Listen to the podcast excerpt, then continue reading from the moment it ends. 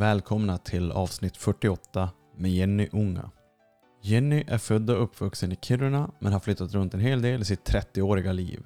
Hon driver eget och har titeln lektör. Hon jobbar alltså med böcker. Jenny pratar även om hur hon som 11-åring hade självmordstankar och sedan under sitt liv fått brottas med den mentala hälsan. Vi pratar om hur vi kan resa oss ur mörka dagar och såklart en hel del böcker.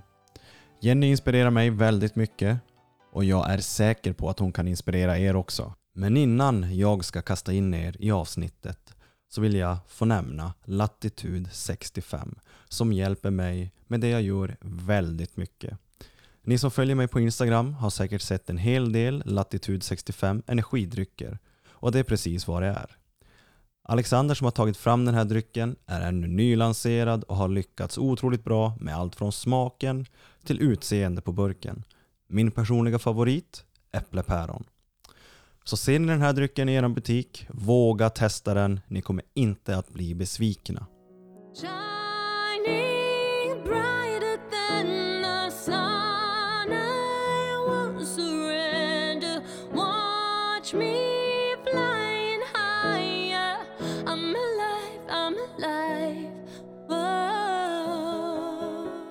Då kör vi igång Jenny.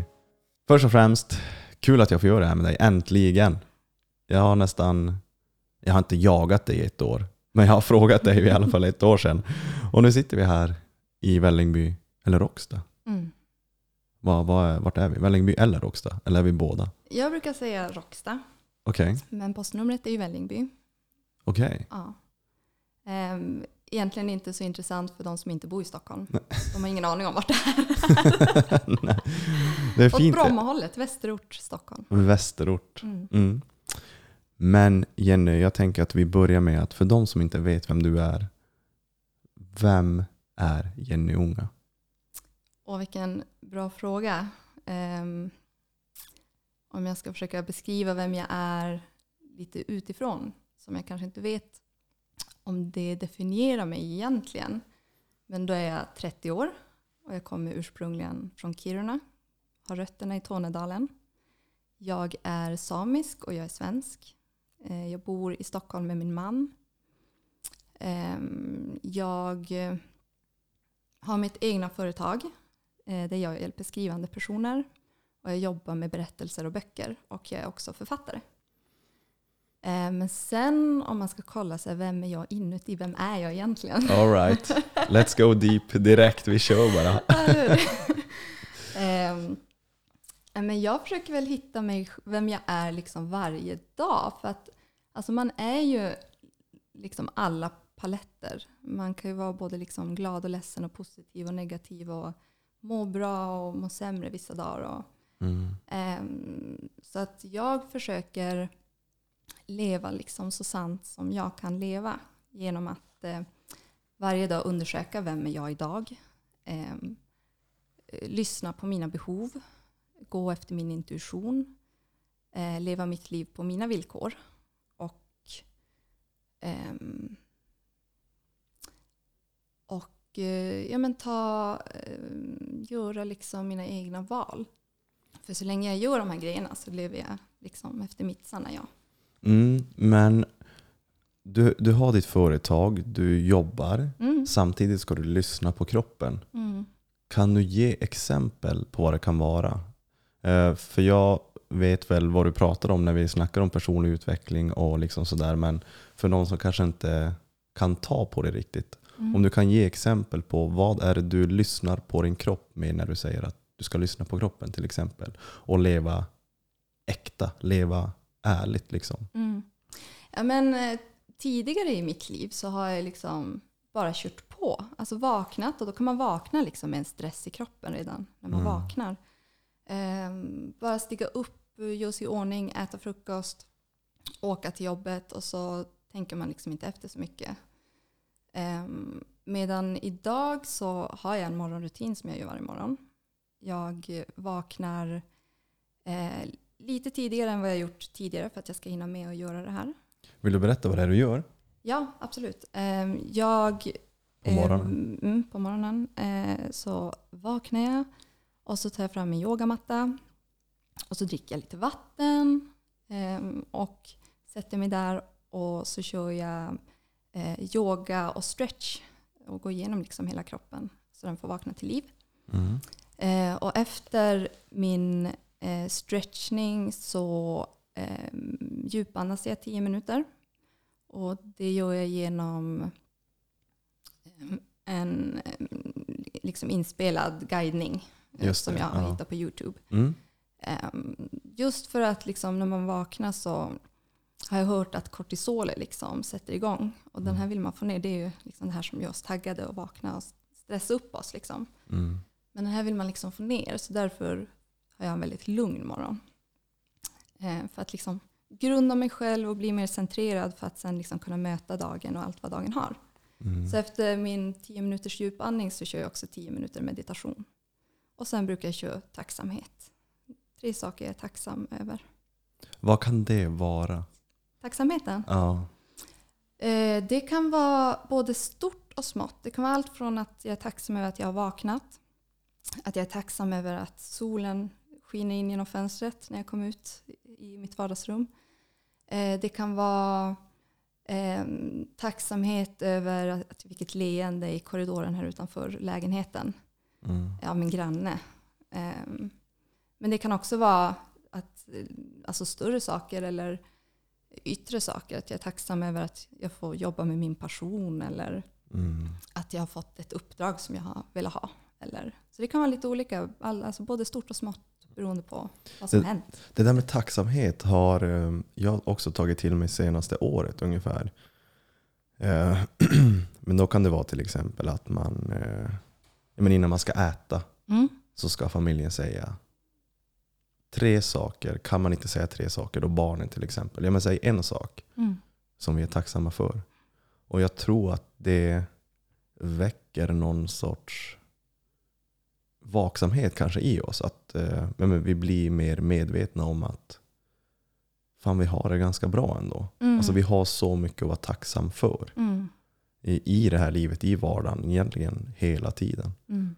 På vilket sätt kan det här, eller har det här hjälpt dig? Just det här med tacksamheten och den här lugna morgonen. Visst, du, du, hit, du centrerar dig själv, du, du blir lugn. Mm. Men just tacksamheten. Eh, ja, men just också om man har liksom tuffa perioder att, att ehm, hitta någonting som man kan liksom vara glad över eller så här ehm, som är lite ljus i livet. Liksom. Mm. Det tycker jag att tacksamhet gör. Och att jag också liksom värderar saker mycket högre. Att, att få sitta här med dig och prata och ta en kopp te när det är lite ruggigt ute. Mm. Är ju liksom, det är jag jättetacksam för. Det är en Ja, vad jättehärlig roligt. stund. Det är faktiskt jag också. Mm.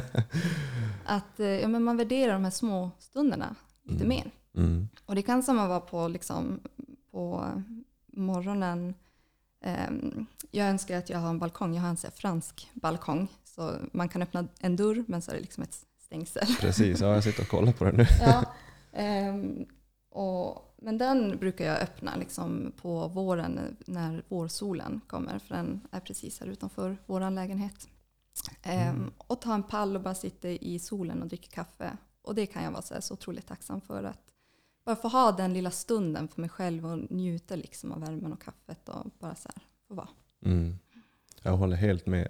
Och sen nu också när jag får vara hos dig så sa jag också att eh, men en dröm jag har är ju att kunna fylla vardagsrummet så som du har gjort med bokhyllor och böcker i massor. nu jobbar ju du också mycket med just böcker och berättelser. Och, men vi ska komma in på det lite senare tänker. För jag. För jag tänker att man kan göra någon sorts tidslinje liksom med dig så att jag också får lära känna dig liksom från grunden. Mm. För, för jag tänker så här, du är från Kiruna. Mm. Och du nämnde också just innan vi tryckte på play att du har bott i Luleå och nu bor du i Stockholm och har bott här i sju år. Ja. Då tänker jag så här, vad fick dig att lämna Lappland? Ehm, vad som fick mig att lämna? Ja, men dels var det, jag, bott i, jag är född och uppvuxen i Kiruna. Mm.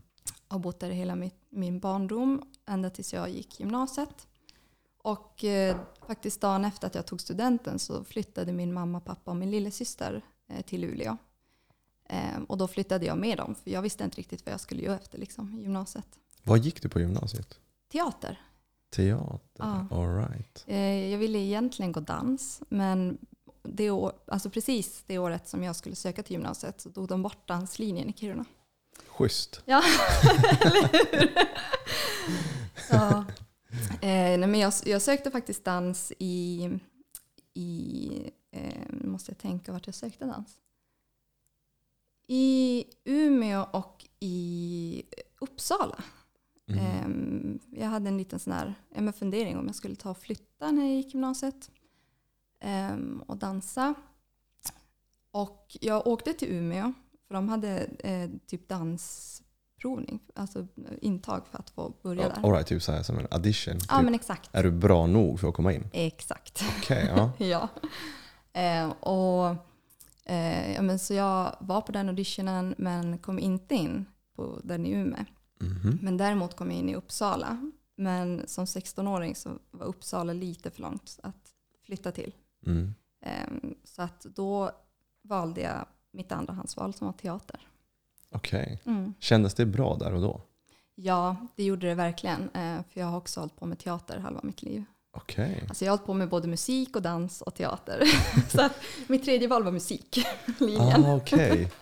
Så något kreativt ville jag liksom göra. Ja, eh, vad är det för dans du dansade eller dansar? Som, är det typ moonwalk? Du vet, så mycket kan jag, så mycket kan jag dans. Man har ju sett de här eh, korta filmerna på YouTube där alla dansar, eller Mm. TikTok-filmer. Mm. Liksom där det är shuffle kanske det kallas. Ja, shuffle har ju varit stort här ett tag nu. Okej, ja. Eh, eh, ja, men jag började dansa när jag var liten. Jag tror att när jag var så jätte, jätteliten så började jag med någon sån här gymnastikdans. Mm. Då det var lite gymnastik och dans i det hela och rörelse så här, eh, Mm. till musik. Men sen så när jag var kanske sju år tror jag det var, då började jag ballett i Kiruna. Det fanns en rysk danslärare där som hette Lada Lasko som, eh, ja, som jag liksom gick hos. Eh, och sen dansade jag där ett tag. Det här har lite kommit och gått genom livet, min dans. Att jag har inte liksom, gjort det konstant. Liksom. Eh, så det var ballett som det började med. Och sen så slutade jag med, eh, med dansen och gjorde lite andra saker. Men sen på högstadiet så började jag dansa igen och då var det streetdance. Street dance, ja. Yes, så Mm. lite åt, eller ja, lite åt, men streetdance var det då. Eh, och sen eh, när jag gick gymnasiet så åkte jag till Afrika och gjorde mitt projektarbete. För alla fick ju, skulle göra ett projektarbete när man gick gymnasiet. Mm. I Kiruna i alla fall. Och eh, då eh, var mitt projektarbete att jag skulle åka till Afrika och lära mig afrikansk dans. Eh, för jag hade tidigare gått på bolagsskolan när jag gick högstadiet. Och de hade som fadderby Kafuta i, Mm. i Gambia. Eh, och jag sjöng i kör när jag gick högstadiet. Så de hade lite samarbeten. Så jag hade kvar det när jag gick till gymnasiet att eh, liksom få åka dit med min gamla lärare. Så då åkte jag dit och lärde mig afrikansk dans och tog hem det till Kiruna och sen lärde jag ut det till liksom, barn och ungdomar Mm. och var liksom danslärare i afrikansk dans. Shit. Och det var mitt liksom, projektarbete i gymnasiet. Och det gör man sista året va? Ja, exakt. Man gör det sista året, men jag gjorde det andra året. För att eh, jag, vi skulle åka på en resa till Kafuta när jag gick kören Mm. på högstadiet. Men precis då när vi skulle åka så fick jag feber, alltså, och riktigt så här 40 graders feber i två veckor hade jag. Och eh, kunde inte åka med och missade den resan. Men då hade de liksom kvar eh, liksom mina pengar för, vi hade ju liksom samlat ihop till den Just resan. Ja. Så att eh, då var det liksom så här att jag fick använda dem inom ett visst antal år. Mm. Och då var det liksom andra året i gymnasiet. Och då ja. fick vi prata med liksom mina lärare och med rektorn om det var okej att jag fick göra projektarbetet ett år tidigare. Mm. Så att jag kunde liksom nyttja att åka dit. Men efter gymnasiet så flyttar du med familjen då till Luleå. Mm. Och vad, för då är du ju vuxen. Ja, Och- ish. Ish. 18. Man tror man kan allt om livet då. Mm. Men eh, vad får du för dig att göra här och då? I livet? Ehm, ja, det, i, när vi flyttade till Luleå så började jag söka in till lite olika kurser för att ha någonting att göra. Sådär. Ja. Och jag sökte också, gick runt och sökte jobb. Så jag gick en skrivarkurs och så gick jag en kurs i kinesiska och en i italienska. För jag vill lära mig ett språk. Och så kinesiska av alla. ja, Jäklar. Ja. eh, jag vet faktiskt inte vart jag alltså, har fått det ifrån. Att jag ville lära mig det. Men, eller italienska har varit en sån dröm hela livet. Att Mm. lära mig. Eh, kinesiska vet jag faktiskt inte vart det kom ifrån, men det var det jag läste när vi flyttade till Luleå i alla fall. Jag kommer inte ihåg jättemycket. Jag kan säga ni hao, det är hej. Ni hao. Mm. Och wo jiao Jenny, jag heter Jenny. Och che che, det är tack. Che che. che che. Så det är typ det jag kan säga på kinesiska som jag kommer ihåg. Ehm, men bara liksom ett år efter att vi hade flyttat till Luleå så sökte jag in till Balettakademin i Umeå Mm. och kom in. Ehm, Så då flyttade jag till Umeå och dansade ett år. Okej. Mm. Hade du hållit på med ballett? Eh, Innan? En, alltså jag, jag höll på med ballett när jag var liten, då, när jag var typ sju år, sju, Ja. åtta, nio år gammal. Sen har jag dansat streetdance och jazz och modern, eller afrikansk dans under liksom gymnasiet. Ehm, så att jag hade, alltså på Balettakademin så dansar man inte bara ballett, vilket man kan tro. Att man ah, får okej. Ja. Eh, på mitt schema till exempel, då var det jazz, modern dans, ballett eh, och dancehall. Eh, dancehall kommer från Jamaica tror jag. Så det är väldigt mycket så här, skaka rumpa-dans typ. Okej. Ja. Är det det man kallar idag twerka eller? ja, men jag tror att twerk kan komma från dancehall. det Okej, är inte omöjligt. Eh, ja, men säg typ reggae-musikvideos där Mm. tjejerna skakar väldigt mycket rumpa och, och liksom... Jobba med höfterna. Ja, typ. exakt. Lite så här latino. Ja, det, åt det hållet är liksom dancehall. Men det är också lite åt street-hållet skulle jag också säga. Så Okej. det är någon typ blandning.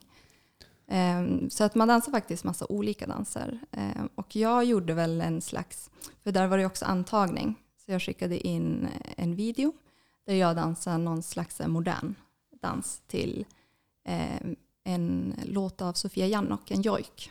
Mm. Ehm, så då hade jag också med sig renhorn och dansade på en äng i våran stuga. Vilken låt var det?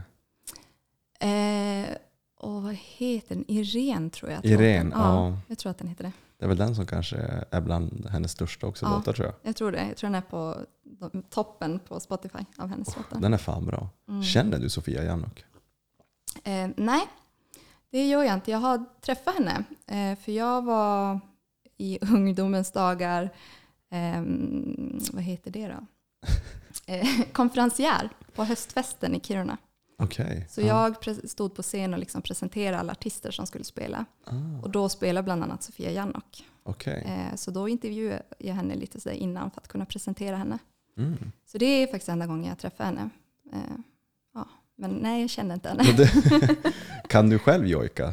Nej, det skulle jag... Eller ja, Men är det någonting du kan sitta hemma och träna på? eh, nej. Det är det inte. Jag har, jag har försökt sådär eh, någon gång. Jag vet när jag var mindre var jag ju mycket mer fri att bara liksom köra. Som man var när man var liten. Ehm, så då vet jag att, eh, för vi lyssnade lite en del jojk hemma så där att jag kunde liksom sjunga med. Men eh, det är inte något jag har alltså, gjort. Jag har gått i kör och sjungit andra saker, men inte Mm. jojk. För visst är jojk så att även om det kanske för en som inte har så stor koll på jojk kan Mm. det låta liksom le, la, le, la. Men det är Mm. ändå, visst är det ändå typ en betydelse i, i själva jojken? Om Mm. förstår vad jag menar? Typ som att om man tar till exempel Jon Henriks Mm.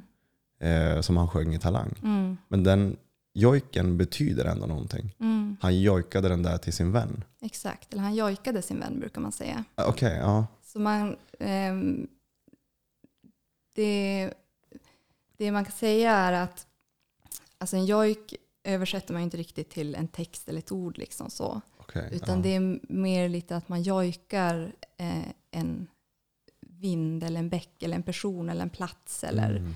Och då är det liksom, kan det vara den, alltså de känslorna man har kring det här som man eh, Uttryck. förmedlar med jojken.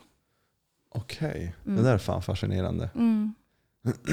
Jag lyssnar inte jättemycket samisk musik, men Mm. jojk kan jag tycka är det, det är som vackert på något sätt att Ja. sitta och lyssna på. Ja, jag tycker också det är otroligt vackert. Ja.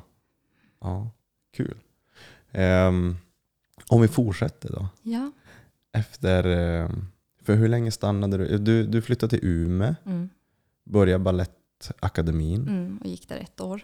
ett år. Mm. Och sen, hur, hur gick det där? Kändes det rätt att börja i Umeå? Ehm, jag hade ju liksom som dröm att bli professionell dansare och starta mitt eget danskompani ute i Europa. Och liksom. Inga små drömmar. Nej, eller hur? Fan vad härligt att höra Ja. ändå. ja, eh, men under det året så dels så eh, pajade mina knän lite grann Mm. och jag var otroligt mycket sjuk eh, för att vi dansade liksom åtta timmar om dagen på elitidrottnivå. Du skojar inte? Nej, Åtta alltså timmar? minst åtta timmar om dagen. Eh, för Jeez. också liksom när jag levde i den världen så då hade jag ju skola från åtta på morgonen till liksom eftermiddag åtta timmar. Mm. Eh, då det bara var liksom dansklass på dansklass på dansklass. Men när vi gick också på den skolan så hade, fick vi gå gratis på alla kvällskurser. Mm. Så att eh, det är klart vi gjorde det. vi var ju helt förälskade i dans så att vi, vi dansade dygnet runt nästan. Jäklar. Vilken härlig känsla ändå. Ja, ja men verkligen. Och alltså, det var en, en liksom jättefin tid att jag fick liksom syssla med det jag verkligen älskade och, och Mm. leva dansen. Liksom. Mm. Eh, men däremot så kände jag att det tog alldeles för mycket på, alltså på kroppen och också på... Eh, för var, man var liksom tvungen att tänka på så vad, vad man åt eh, och att inte dricka för mycket alkohol till exempel. Eh, det tog väldigt mycket tid bort från att umgås med familj och vänner. Eh, så efter det året så började, alltså funderade jag liksom om, om det var det livet som jag vill ha. För det blir ju verkligen ett dansliv. Mm. Ehm, och kände väl att nej, det är lite för mycket att offra för mig. Eller ja, för mig var det ju så att då måste jag offra saker. Mm. Hade jag inte känt att jag hade behövt offra något så hade jag kanske kört. Mm. Ehm, så att då slutade jag liksom um, och dansa på så hög nivå. Sen dansar jag i vardagsrummet ibland. Men, Men om jag får fråga så här då. Hur, om du inte hade slutat, Mm. hur långt tror du dansen hade tagit dig idag? det är ju jättesvårt att svara på. Um, ja, men, jag tror att jag hade kunnat gå hur långt jag än hade velat. Ja, du hade drivkraften Ja, tills du slutade. Ja, alltså ja, det, det skulle jag ju säga att jag hade. För jag Mm. dansade ju järnet under det året. Liksom. Men kände att det liksom tog för mycket. Vad var det du ville göra istället som kände att men fan, det inte är värt det längre? Eh, jag hade väl inte egentligen något, alltså att jag bytte ut det här mot något annat, att jag ville göra något annat. Utan det var snarare, alltså det var bara snarare så att jag liksom tänkte igenom, är det här något jag vill göra? Och nej, inte, jag vill inte dansa på professionell nivå. Okej. Ehm, Så att jag var ju sen vilsen några år skulle jag säga. Eller vilsen. Men eh, jag flyttade tillbaka till Luleå för att jag inte visste vad jag skulle göra. Mm. Eh, och eh, började söka jobb. Och då började jag också söka jobb uppe i Kiruna. Och fick jobb på H&M. Mm. Ehm, och jag har också alltid varit väldigt så här, kläd och modeintresserad under hela mitt liv. Och jag har också jobbat som modell tidigare. Ja, jäklar. Ja. Eh, när jag var mycket under så tonåren Mm. gick jag modevisningar. Ehm, så det var också så ett, liksom ett intresse som jag hade. Så när jag fick jobb på H&M tyckte jag det var skitkul att Mm. flytta upp igen. Då. Hur, eh, när du säger att du är vilse, Mm. hur ser, liksom, vad händer i din kropp? Känner du fortfarande att du mår bra? Eh, du håller på med, liksom, med kläder, jobbar Mm. H&M. Eller är det någon sorts oro inombords? Kan du känna det när du säger att du är vilse? Där och då? Nej, men när, när jag pratar om vilsenheten så handlar det kanske mer om att jag inte riktigt visste vad jag vill göra i livet egentligen. Så det, är, det är som inget destruktivt som sker i Nej. livet? Ja. Eller alltså, inte när jag pratar om vilse på det sättet att jag inte visste vad jag skulle liksom göra. Men Mm. sen har jag liksom andra perioder i mitt liv då jag har mått sämre. Och Mm. det speglar ju också liksom mina val och vad jag har gjort. Då. Mm. Men där och då känner du ändå att du mår bra, men nu vill du liksom, nu ska du söka liksom nästa grej du vill göra. Ja, exakt. Okej, ja. Ehm, hur länge jobbar du på H&M? Jag jobbade på H&M i ett eller två år. Jag kommer Mm. inte ihåg exakt. eller ett och ett halvt år tror jag. Sen började jag på JC i Kiruna. Okej, ja. Eh, och det var också under den tiden då jag träffade min man. Mm. Så jag har lite så här en tanke att det var liksom meningen att jag skulle tillbaka upp till Kiruna för att Ja, men hämta honom. precis. Blev du uppraggad i butiken? Eh, nej, det var faktiskt så att ehm, jag raggade upp han Ja, men se där. ja, på krogen. På, var det Royal på den tiden? Jo. Eh, Eller- Ja, både Royal och Fer- Ferrum. Men det var Ferrum. Vi träffades på. Ah, Mm. Okej. Eh, nej, men han hade ju gått... Det här är ju jätteroligt. Kiruna är ju ganska litet. Mm. Eh, så att min man har gått med min stora syster i samma klass som henne från typ lekis till nian. Okej. Så att han visste vem jag var. Mm. Jag visste inte vem han var.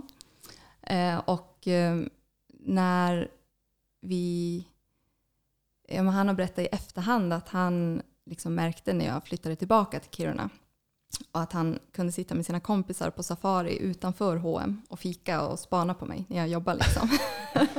En classic. ja, men han tog liksom aldrig modet till sig att, att ja, fråga mig på dejt. Liksom.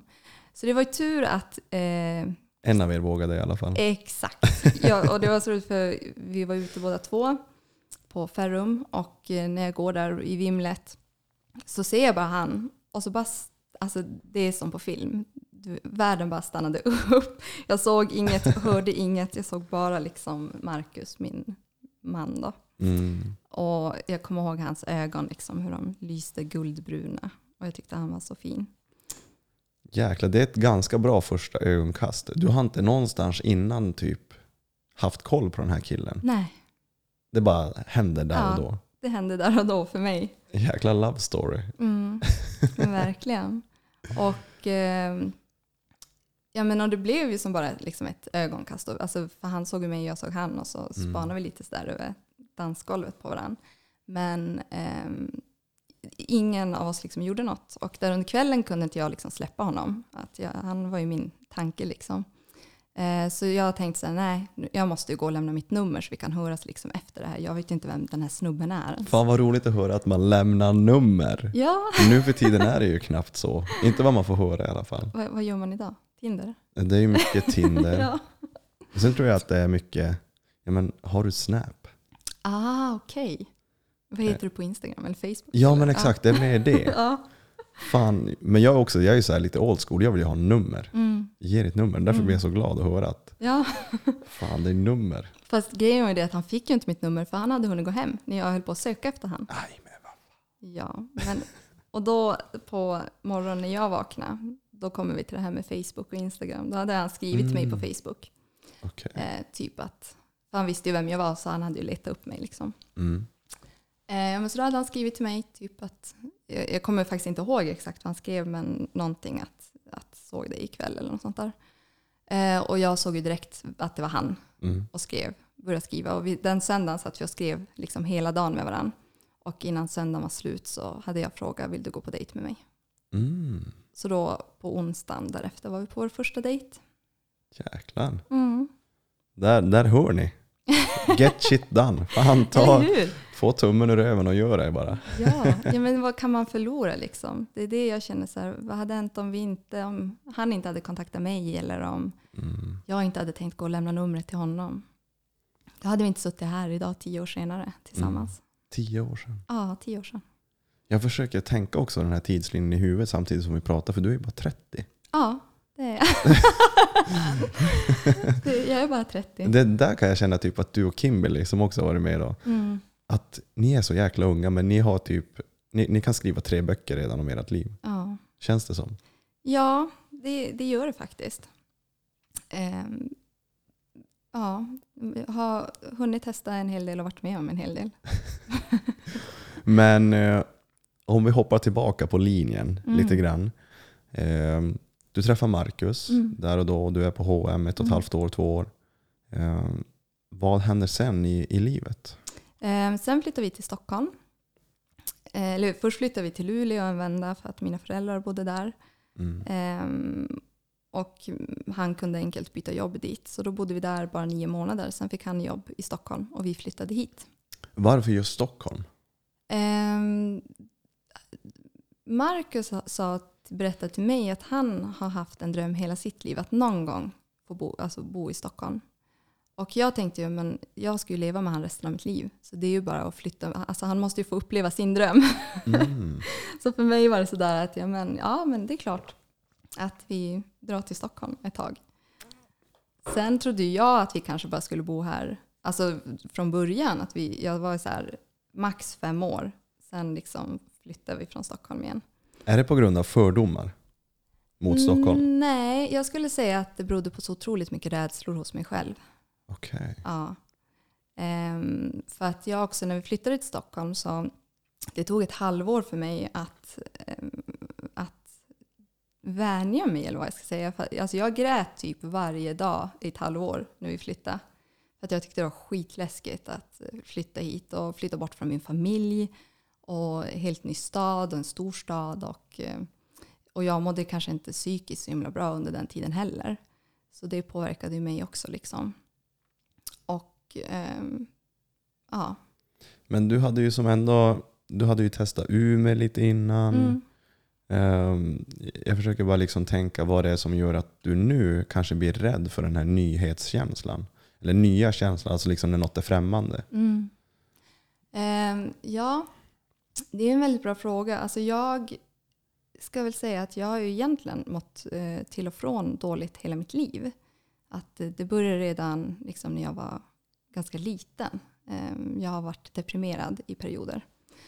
Och det var till och med så illa att jag ville ta livet av mig när jag var 11 år gammal. Eh, så att det är väl rädslor som har egentligen hängt med mig hela livet. Men kanske till och från tagit olika mycket plats skulle jag nog säga. Okej. Vill du utveckla? Ja, vad, ska, vad ska jag utveckla? Ehm, när du säger tagit mycket plats. Ehm, jag menar, först, äh, först och främst tänker jag 11 år. Mm. Hur kan man redan då tänka att man vill dö? Mm. Ehm, ja, jag tror att det har varit så att ehm, jag har liksom inte haft den här tryggheten i mig själv och eh, självkänslan. Eh, så jag har liksom inte värderat mig själv så bra nästan hela mitt liv. Mm. Eh, och därav så, ja, så pass tidigt mådde jag liksom så pass dåligt. Eh, jag har också haft en liksom jättefin barndom, eh, men också det här mörkret liksom inom mig. Att, Mm. att jag är liksom deprimerad och mår dåligt. Men du har ändå haft, det har varit tryggt i barndomen. Inga, inga så här äh, traumatiska händelser som kan ha främjat Nej, din depression. nej eh, jag är då uppvuxen med tre syskon och mina föräldrar. Mm. Ehm, och har levt med dem liksom hela, hela mitt liv. Det har väl inte hänt, alltså det har inte varit liksom något sånt som har hänt som har varit, ja, vi har haft jättefint liksom, hittat på mycket saker, mina syskon och mina föräldrar och ehm, så. Men jag tror att ja, men när man är liten så är man ganska här, fri och man är ju verkligen sig själv. När man, alltså, när man föds så är man ju sitt mest sanna jag, Ja. tror jag. Mm. Och sen är det liksom omgivningen, om det liksom är familjen eller om det är skolan eller kompisar eller ja, men, omvärlden. Som tycker och tänker att man ska vara på ett visst sätt, att man ska göra vissa saker. Eh, att, eh, liksom som påverkar oss utifrån. Ehm, och när jag då inte liksom hade den tryggheten i mig själv, alltså från någonstans under min barndom så har jag liksom inte fått med mig det här. Mm. Om det är något behov som jag aldrig liksom fick, eh, eh, vad säger man? Utlopp för kanske, eller? Ja, ja men exakt. Eller, ja. Ehm, så jag hade liksom inte med mig det här att alltså en bra självkänsla och en trygghet i mig själv. Mm. Eh, och därför påverkades jag så otroligt mycket av den yttre världen. Att Mm. Jag tror det är det som gjorde att jag, jag liksom blev deprimerad och ville ta livet av mig. För jag tyckte omvärlden var så jobbig. Mm. Gick det någon gång så långt att du försökte ta livet av dig? Ehm, nej, som tur var så var det så har jag all, alltså aldrig försökt ta livet av mig. Men jag har ju gått, ehm, alltså jag har ju tänkt så här, hur många Alvedon måste jag svälja för att inte vakna eller dö. Liksom. Mm. Ehm, jag har också så här, när jag gått till och från skolan haft tanken att hoppa framför en bil. Men aldrig gjort det liksom. Det är mörkt. Ja. Det är jäklar, det är mörka Ja. tankar så ung. Jäklar. Hur, och när du säger att det här har följt med dig till och från Mm. hela livet. Är det det som har gjort att du har utvecklat till exempel den här morgonrutinen med meditation? Och, Mm. eh, liksom hur har det präglat dig den här fram och tillbaka med depression, självkänsla? Mm. Ehm, men jag, när vi har pratat här tidslinjer så jag, jag skulle säga att jag har nästan som två tidslinjer i mitt liv. Att jag då, Mm. dels den här ena där jag har med de här sakerna vi har pratat om, att jag har flyttat, jag har gjort saker och lite så här, och det har jag gjort fast jag har mått dåligt. Mm. Liksom. Sen har jag den här tidslinjen vart min liksom, depression har kommit in och Okej, ut liksom, ja. ur, ur livet och påverkat mig på olika sätt. Ehm, för att den här perioden då jag ville ta livet av mig, den var ända från att jag gick typ fyran, femman upp till nian. Att det var ändå så fem år som jag mådde så pass dåligt att jag ville ta livet av mig. Mm. Ehm, och, det, och det skulle jag säga, det har ju påverkat allt. För att jag ville liksom bevisa mig själv hela tiden. Så jag har varit en riktig så här prestations och perfektionsperson. Och så har jag haft jättebra betyg i skolan och ah, inte kunnat säga nej. Alltså ställt upp för allt och alla för att liksom få någon slags bekräftelse utifrån. För att jag inte har kunnat bekräfta mig själv. Eh, Så att under liksom skolperioden så har jag liksom jobbat häcken av mig för att få liksom svinbra betyg. För att få någon slags, känna att jag duger. Mm. Mm. Eh, och det här har ju sen påverkat mig. Eh, dels så när jag gick gymnasiet så var jag i ett destruktivt förhållande. Vart jag blev både psykiskt och fysiskt misshandlad.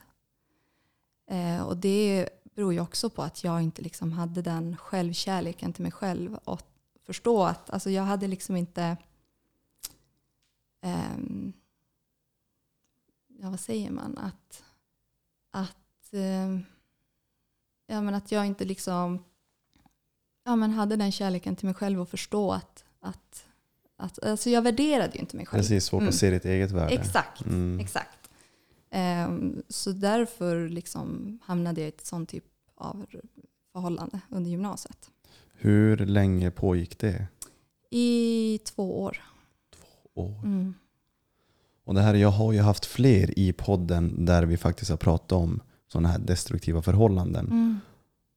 Eh, och då vill man kanske försöka förstå att varför bryter man sig inte lös? Mm. Men det är inte så bara. Nej, det är ju verkligen inte det.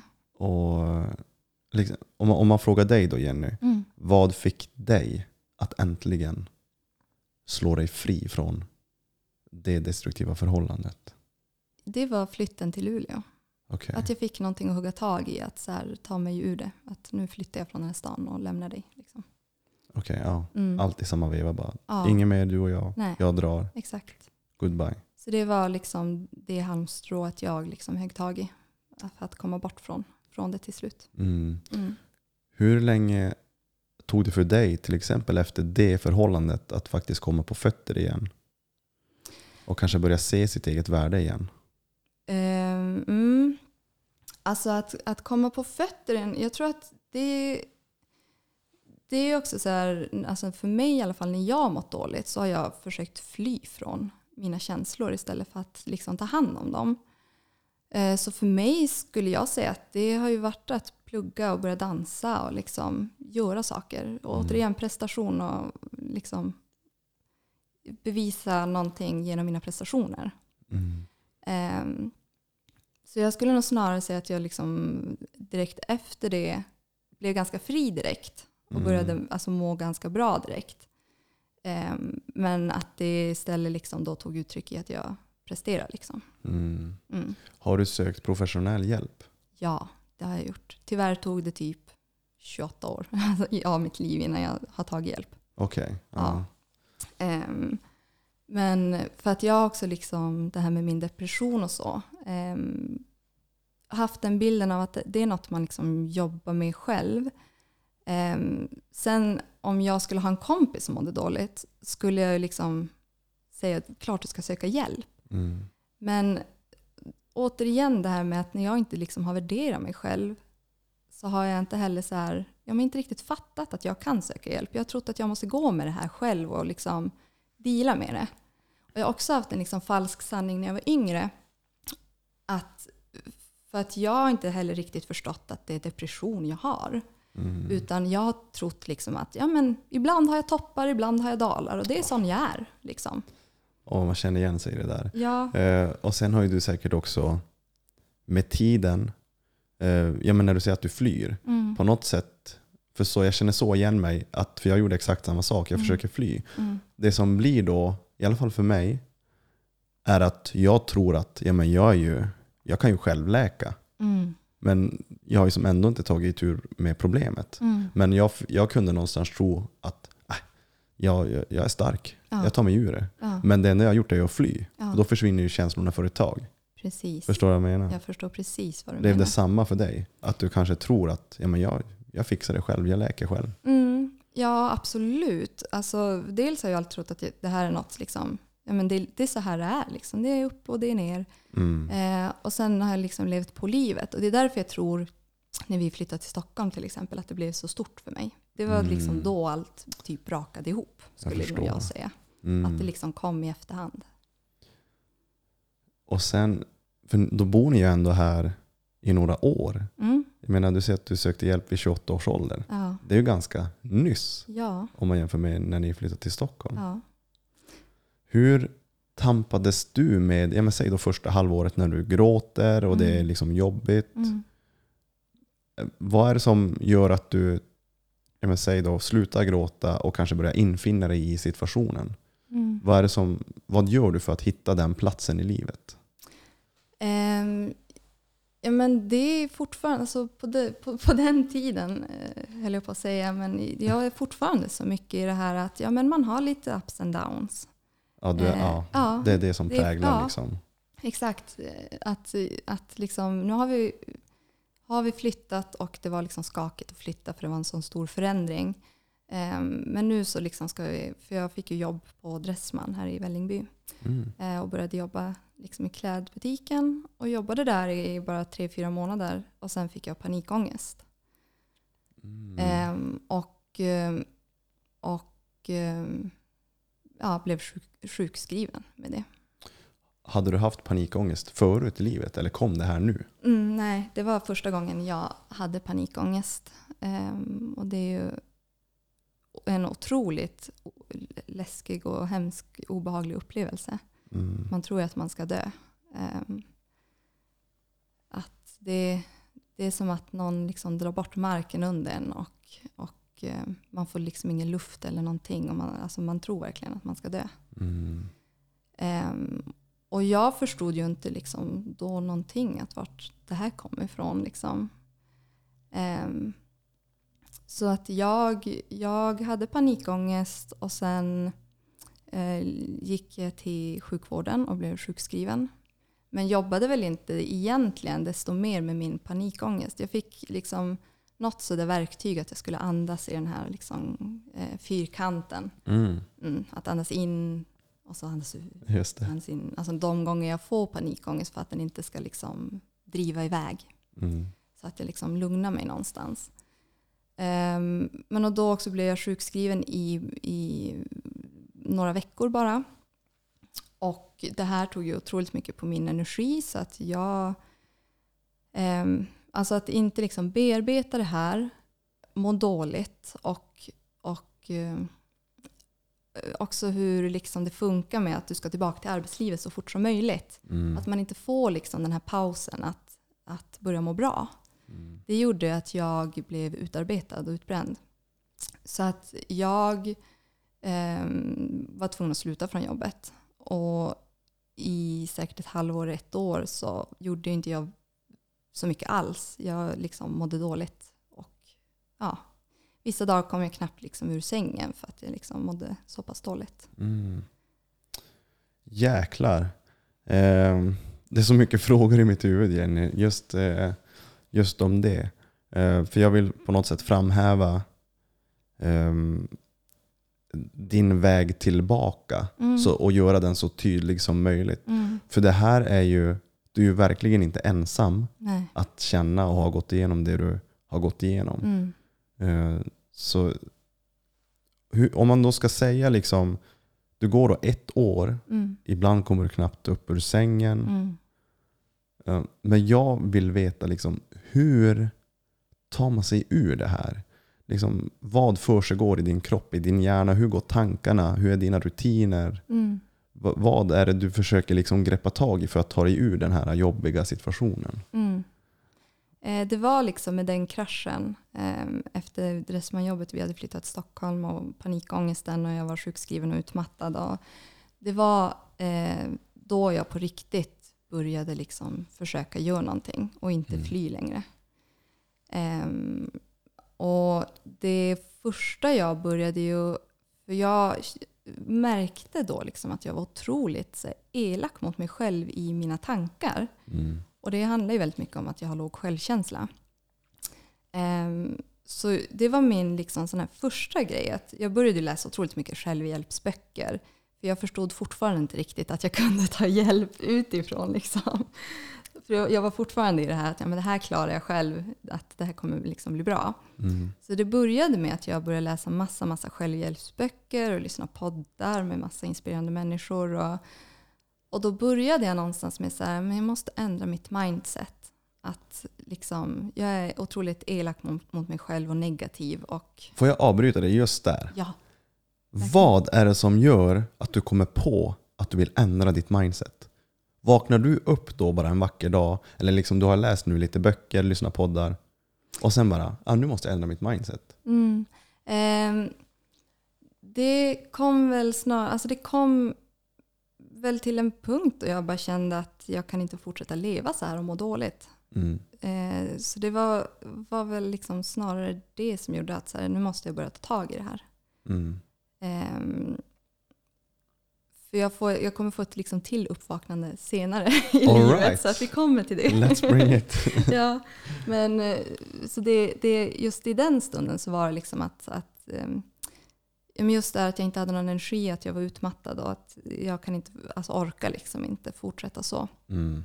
Att jag måste börja göra någonting och började då läsa massa självhjälpsböcker och började lite smått så jobba med mig själv och mitt mindset, att försöka bli mer positiv än negativ. Hur lätt liksom, det är ju bara att ändra sig, bli lite mer positiv. Ja, exakt. Ehm, ja, men så jag fick jobba med det ganska mycket. Men sen så kom jag också till en sån här då jag kände att så här, men vad är det jag vill göra i mitt liv? Mm. Alltså jobba med. Ehm, för att jag hade också jobbat då några år i modebranschen. Och när, när jag började då var jag så här, oh jag ville liksom klättra inom modebranschen. För att jag, det var också en liksom, passion som jag hade då när jag var yngre. Mm. Jag gillar fortfarande kläder och, och mode men, eh, men ja, jag tyckte verkligen att det var jättekul att jobba eh, i klädbutik men också för man kan liksom fortsätta därifrån och bli stylist eller liksom, Mm. ja, alltså fortsätta eller bli visual merchandiser där man jobbar mer med liksom butikernas visuella uttryck och så. Okej, ja. Också lite mer så kreativt jobb. Det låter som att eh, det är en hel djungel. Ja, det är det. det är det verkligen. För mig i alla fall. Ja. Ja. Eh, ja, men det är väl inom varje bransch kan man, alltså finns det ju hur många olika föreningar som helst. Liksom, Mm. så att, ehm, men, och då började jag fundera, så här, vad, jag, vad vill jag göra? Vad skulle jag vilja jobba med?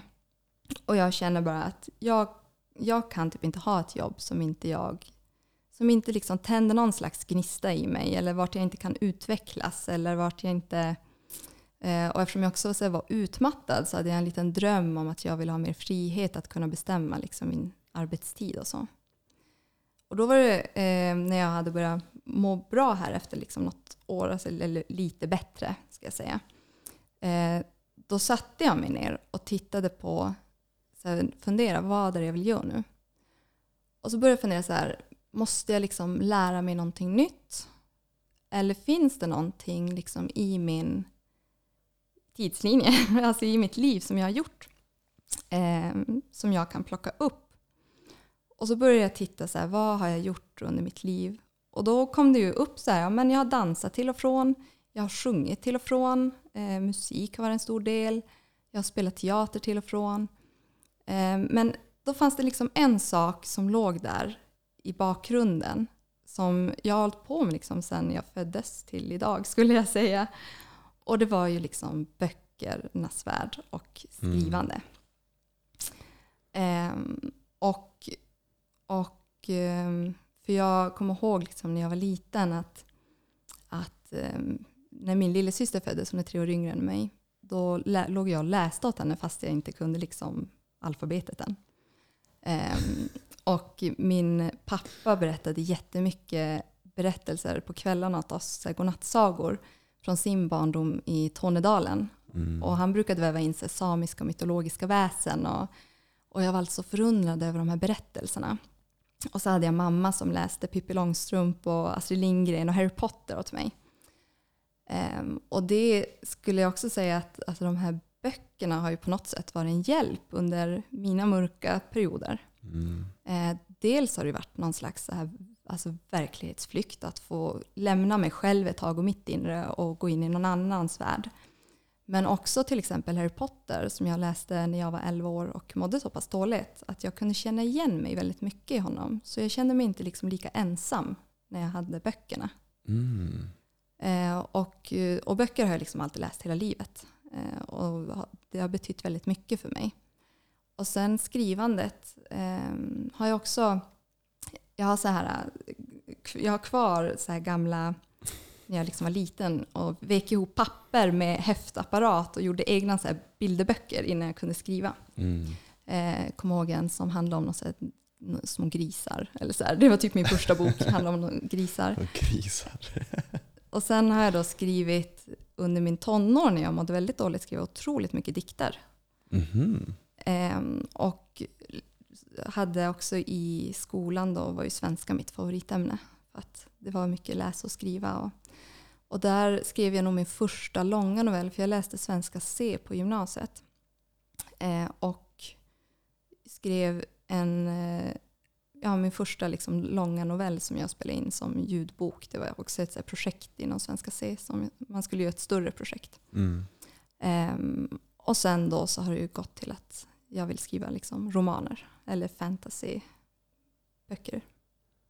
Så att det har alltid, det har alltid funnits där som du nu berättar. Ehm, och sen då, liksom efter din mörka period då, Mm. där du nu liksom funderar ut vad du vill göra. Jäklar vilken eh, fascinerande story ändå. Att du liksom, blir det typ att du kommer på där och då, liksom när du funderar ut vad du vill göra, Mm. att du bara, men fan, jag kan ju det här. Mm. Och då liksom, hur, hur börjar den resan? Liksom vad är det första steget mot det du nu vill göra i livet? Mm. Där och då? Ehm, ja, men jag bestämmer mig där liksom att ja, men böcker. Det, alltså, Mm. det hade varit otroligt kul att jobba med det på något sätt. Och jag hade ju ingen aning om hur jobbar man med böcker. Mm. Liksom.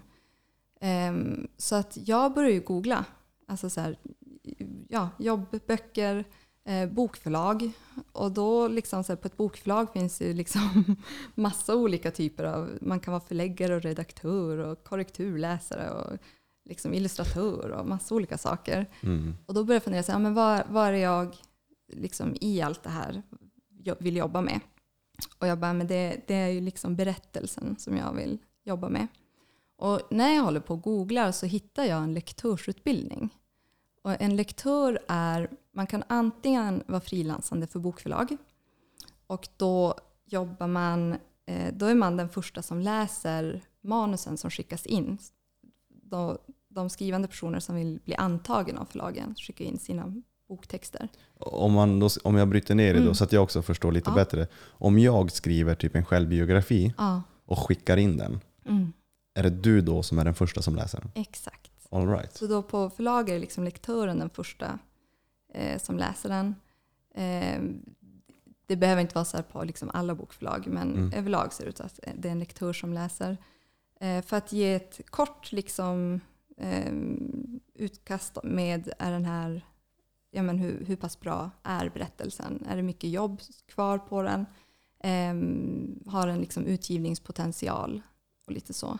Och så gör man ett kort sånt referat och ger vidare det till förläggare och redaktörer. Och sen kan de då på ett snabbare sätt, för de får ju in så otroligt mycket manus. Mm. Så då kan de på ett lite snabbare sätt liksom börja, ja, vad ska vi alltså lägga tid på att läsa? Mm. Så att inte de behöver läsa den här stora massan. Liksom. Ja. Eh, Men sen då kan man också jobba som lektör mot privatpersoner. Eh, Och då hjälper man om till exempel om man vill ha större chans att bli antagen av ett förlag så kan man då anlita en lektör. Och då hjälper Mm. jag då till med att läsa texten, eh, plocka fram, liksom, lyfta guldkornen, hjälpa till att eh, liksom, slipa till den så att den blir så bra den kan bli. Och då tittar man på allt från liksom, karaktärer, eh, utvecklas de under berättelsen? Finns det någon slags dramaturgi?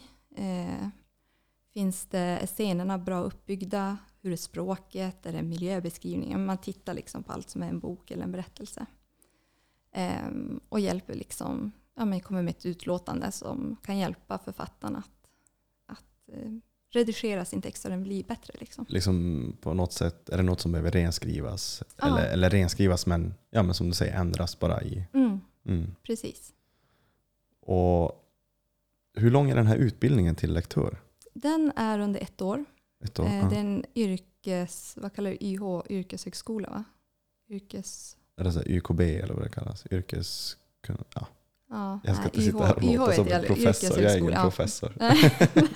något, något sånt heter yrkeshögskola tror jag att det heter. Ja. Eller yrkesutbildning eller ja. Eh, Så den är under ett år. Och då får vi jobba liksom prakt, praktiskt med att läsa manus eh, och göra utlåtanden medan, alltså riktiga böcker får vi liksom träna på medan vi går den här utbildningen. Mm. Så det är lite learning by doing. Hur många självbiografier har du läst under din tid som lektör? Självbiografier. Ja, för jag, jag börjar tänka så här. Mm. Om du då får läsa ett manus innan alla andra. Mm. Tänk hur mycket sjuka stories du sitter på. liksom. Mm. Ja, jag sitter på en hel del berättelser. Eh, Men just självbiografier har jag, har jag, jag har kanske läst fem stycken självbiografier. Mm. Eh, Men eh, för jag läser liksom böcker i alla genrer. Man kan ju nischa in sig att man bara läser fantasy eller bara läser just- deckare eller romance eller självbiografier. Ja. Eh, Men jag läser faktiskt eh, väldigt stor bredd liksom av genrer.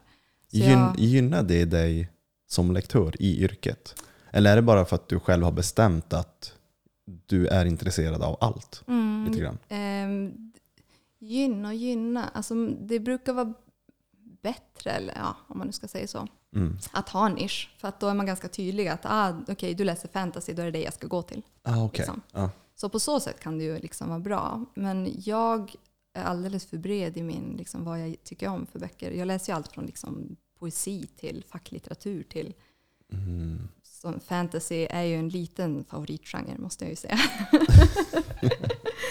Eh, Men så jag, läser, ja, så jag läser väldigt brett. Mm. Så att eh, själv, självbiografier har jag läst kanske fem stycken. Sen har jag läst en hel del annat också. Mm. Liksom påhittade. Ehm, och sen då när du har gått klart utbildningen, Mm. hur tar du dig vidare därifrån? Liksom hur, Mm. Är det då du startade ditt företag? Yes, det är det. Oh shit, stort Eh, steg. Ja, jättestort steg. Ehm, för att det var också, för jag hade hunnit hoppa på en universitetsutbildning. För att jag tänkte att jag vet inte riktigt, i den här när jag höll på att söka vad det var jag ville göra så hoppade jag på en universitetsutbildning. För jag tänkte att en universitetsutbildning är alltid bra att ha. Alltid liksom. bra att ha i bakfickan. Exakt. um, ja, men och det är väl mycket på för att det är väl den bilden man har fått av samhället och världen. Liksom, att Mm. studier är väl bra. Liksom. Den här normen att vi ska... Exakt. Mm, Ja, sen var väl kanske inte det, det jag behövde eller ville egentligen. mm, Så att det började med att när jag började den här lektorsutbildningen att jag då hoppade av min universitetsutbildning. Och då var det jättemånga som tyckte jag var helt korkad som bara varför går, alltså så här, var, varför gör du så? mm. Mm. Och jag är så glad att jag liksom vågade gå min väg den gången och köra. Eh, för i då lektorsutbildningen så fick vi också eh, lära oss hur man startar upp eget företag. Ja, ah, det var liksom en del av utbildningen. Mm. Eh, så då hade vi, eh, ja men den dagen jag liksom tog examen och fick mitt diplom i handen, att jag är dip- diplomerad lektör så hade jag också startat mitt företag och kunde börja jobba direkt liksom, i mitt företag. Hur får man kunder eller klienter Mm. som lektör? Är du ute och liksom står med en skylt, jag är lektör, jag läser din bok. Eller hur gör man? Eh, ja, men jag jobbar ju väldigt mycket med sociala medier. Mm. Ehm, och, ehm, så dels, dels är det ju att alltså, prata i olika forum med skrivande och läsande personer. För det är väldigt mycket folk som läser som också skriver. Mm. Och det är också, jag har faktiskt hört att ehm, var femte människa, person i Sverige drömmer om att skriva en bok. Jag är en av dem. Du- är en av dem. Jag är en av dem. Då är du välkommen till, till Det, jag har faktiskt tänkt på, jag har inte sagt det åt dig bara. Mm. Vi kan prata om det utanför podden. Ja, ja, men kul. eh, ja, men så det är ju otroligt mycket människor som vill skriva bö- böcker och drömma om det. Mm. Och jag har haft sådär, men hur når jag alla? För alla är ju inte skrivnördar som går massa skrivutbildningar och som eh, har skrivkonton på Instagram. Att hur når jag alla dessa människor som drömmer om att skriva böcker? Så att dels så har det varit liksom att, men man, alltså att eh, sociala medier, men också att vara på olika bokmässor och visa sig liksom och ehm, kontakter eller att man liksom försöker vara på andra ställen som är utanför skrivvärlden. Liksom. Exakt. Mm. Mm. Så om, jag får då fråga, hur var ditt första jobb? Liksom nu när du har startat företag, liksom, hur, ja, vad, vad var det första du läste? Liksom? Ehm, När du har fått din första, eller Mm. hade du redan liksom när du väl, alltså första dagen när du är som egenföretagare, Mm. hade du då redan klienter så att säga? Mm.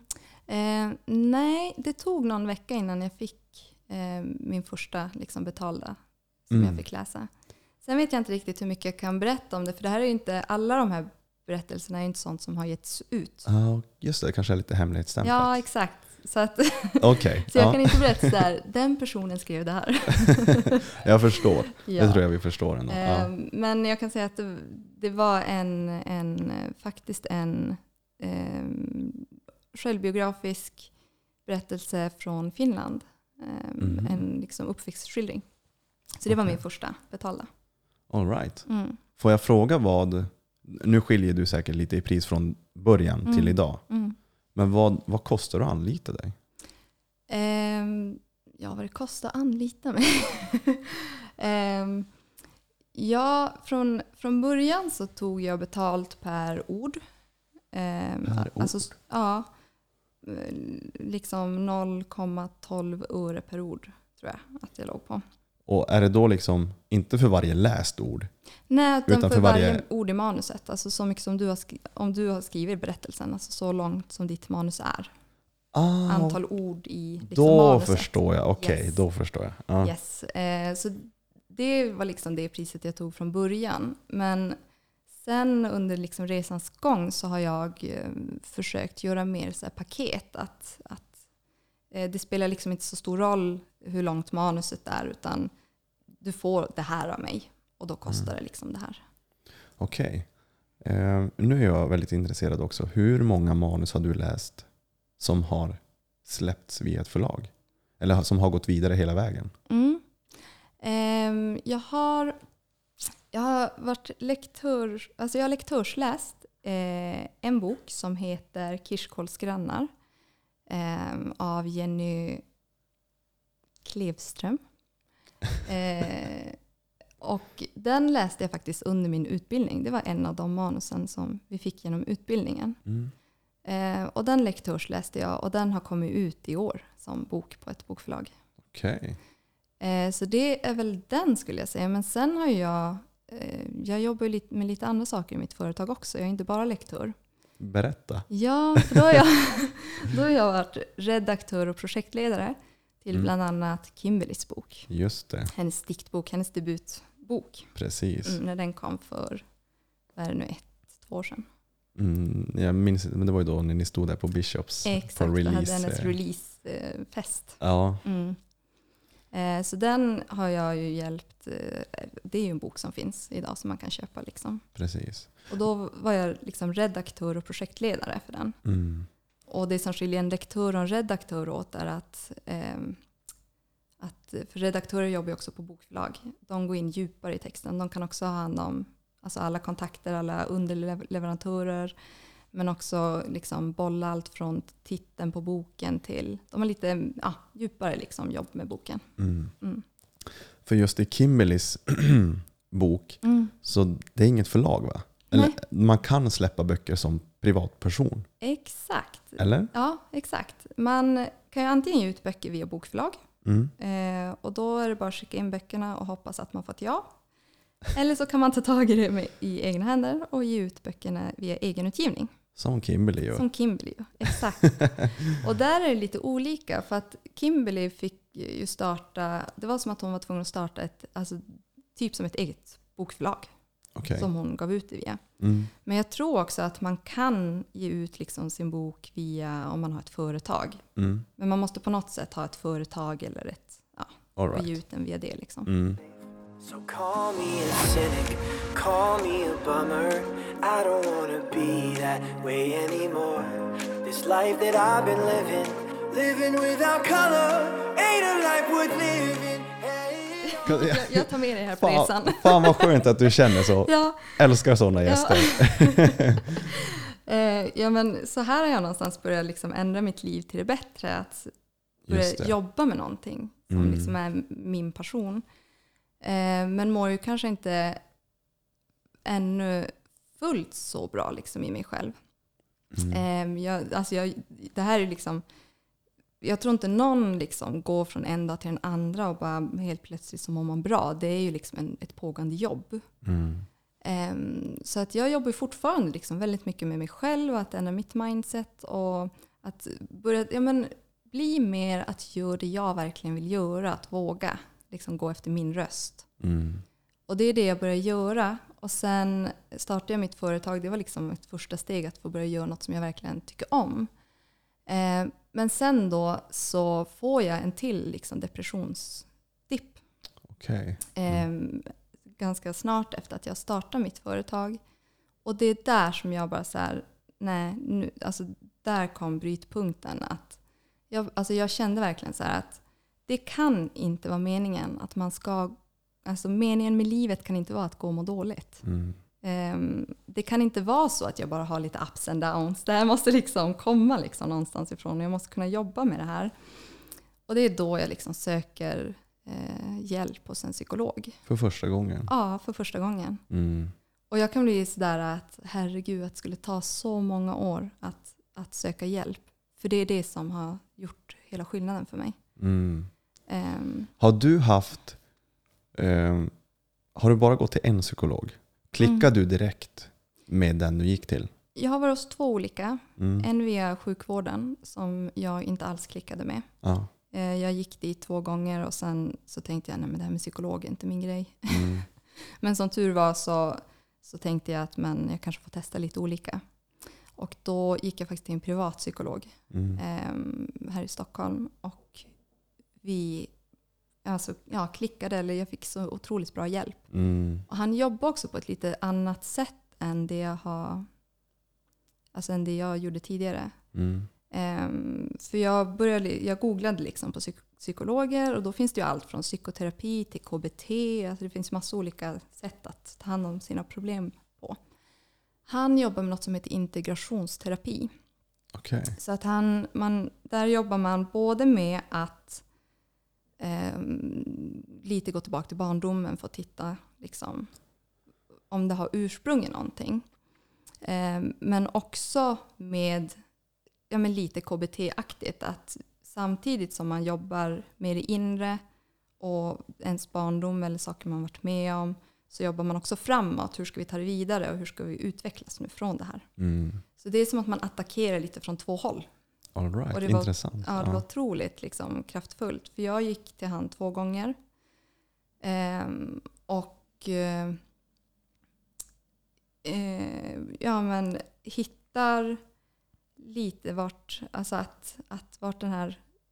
Det jag hittar är att jag, för jag har inte riktigt förstått vart det kommer ifrån eller vad, ja, men var min depression kommer ifrån. Och det jag hittar då är ju just den här att men jag har ju inte en trygghet i mig själv.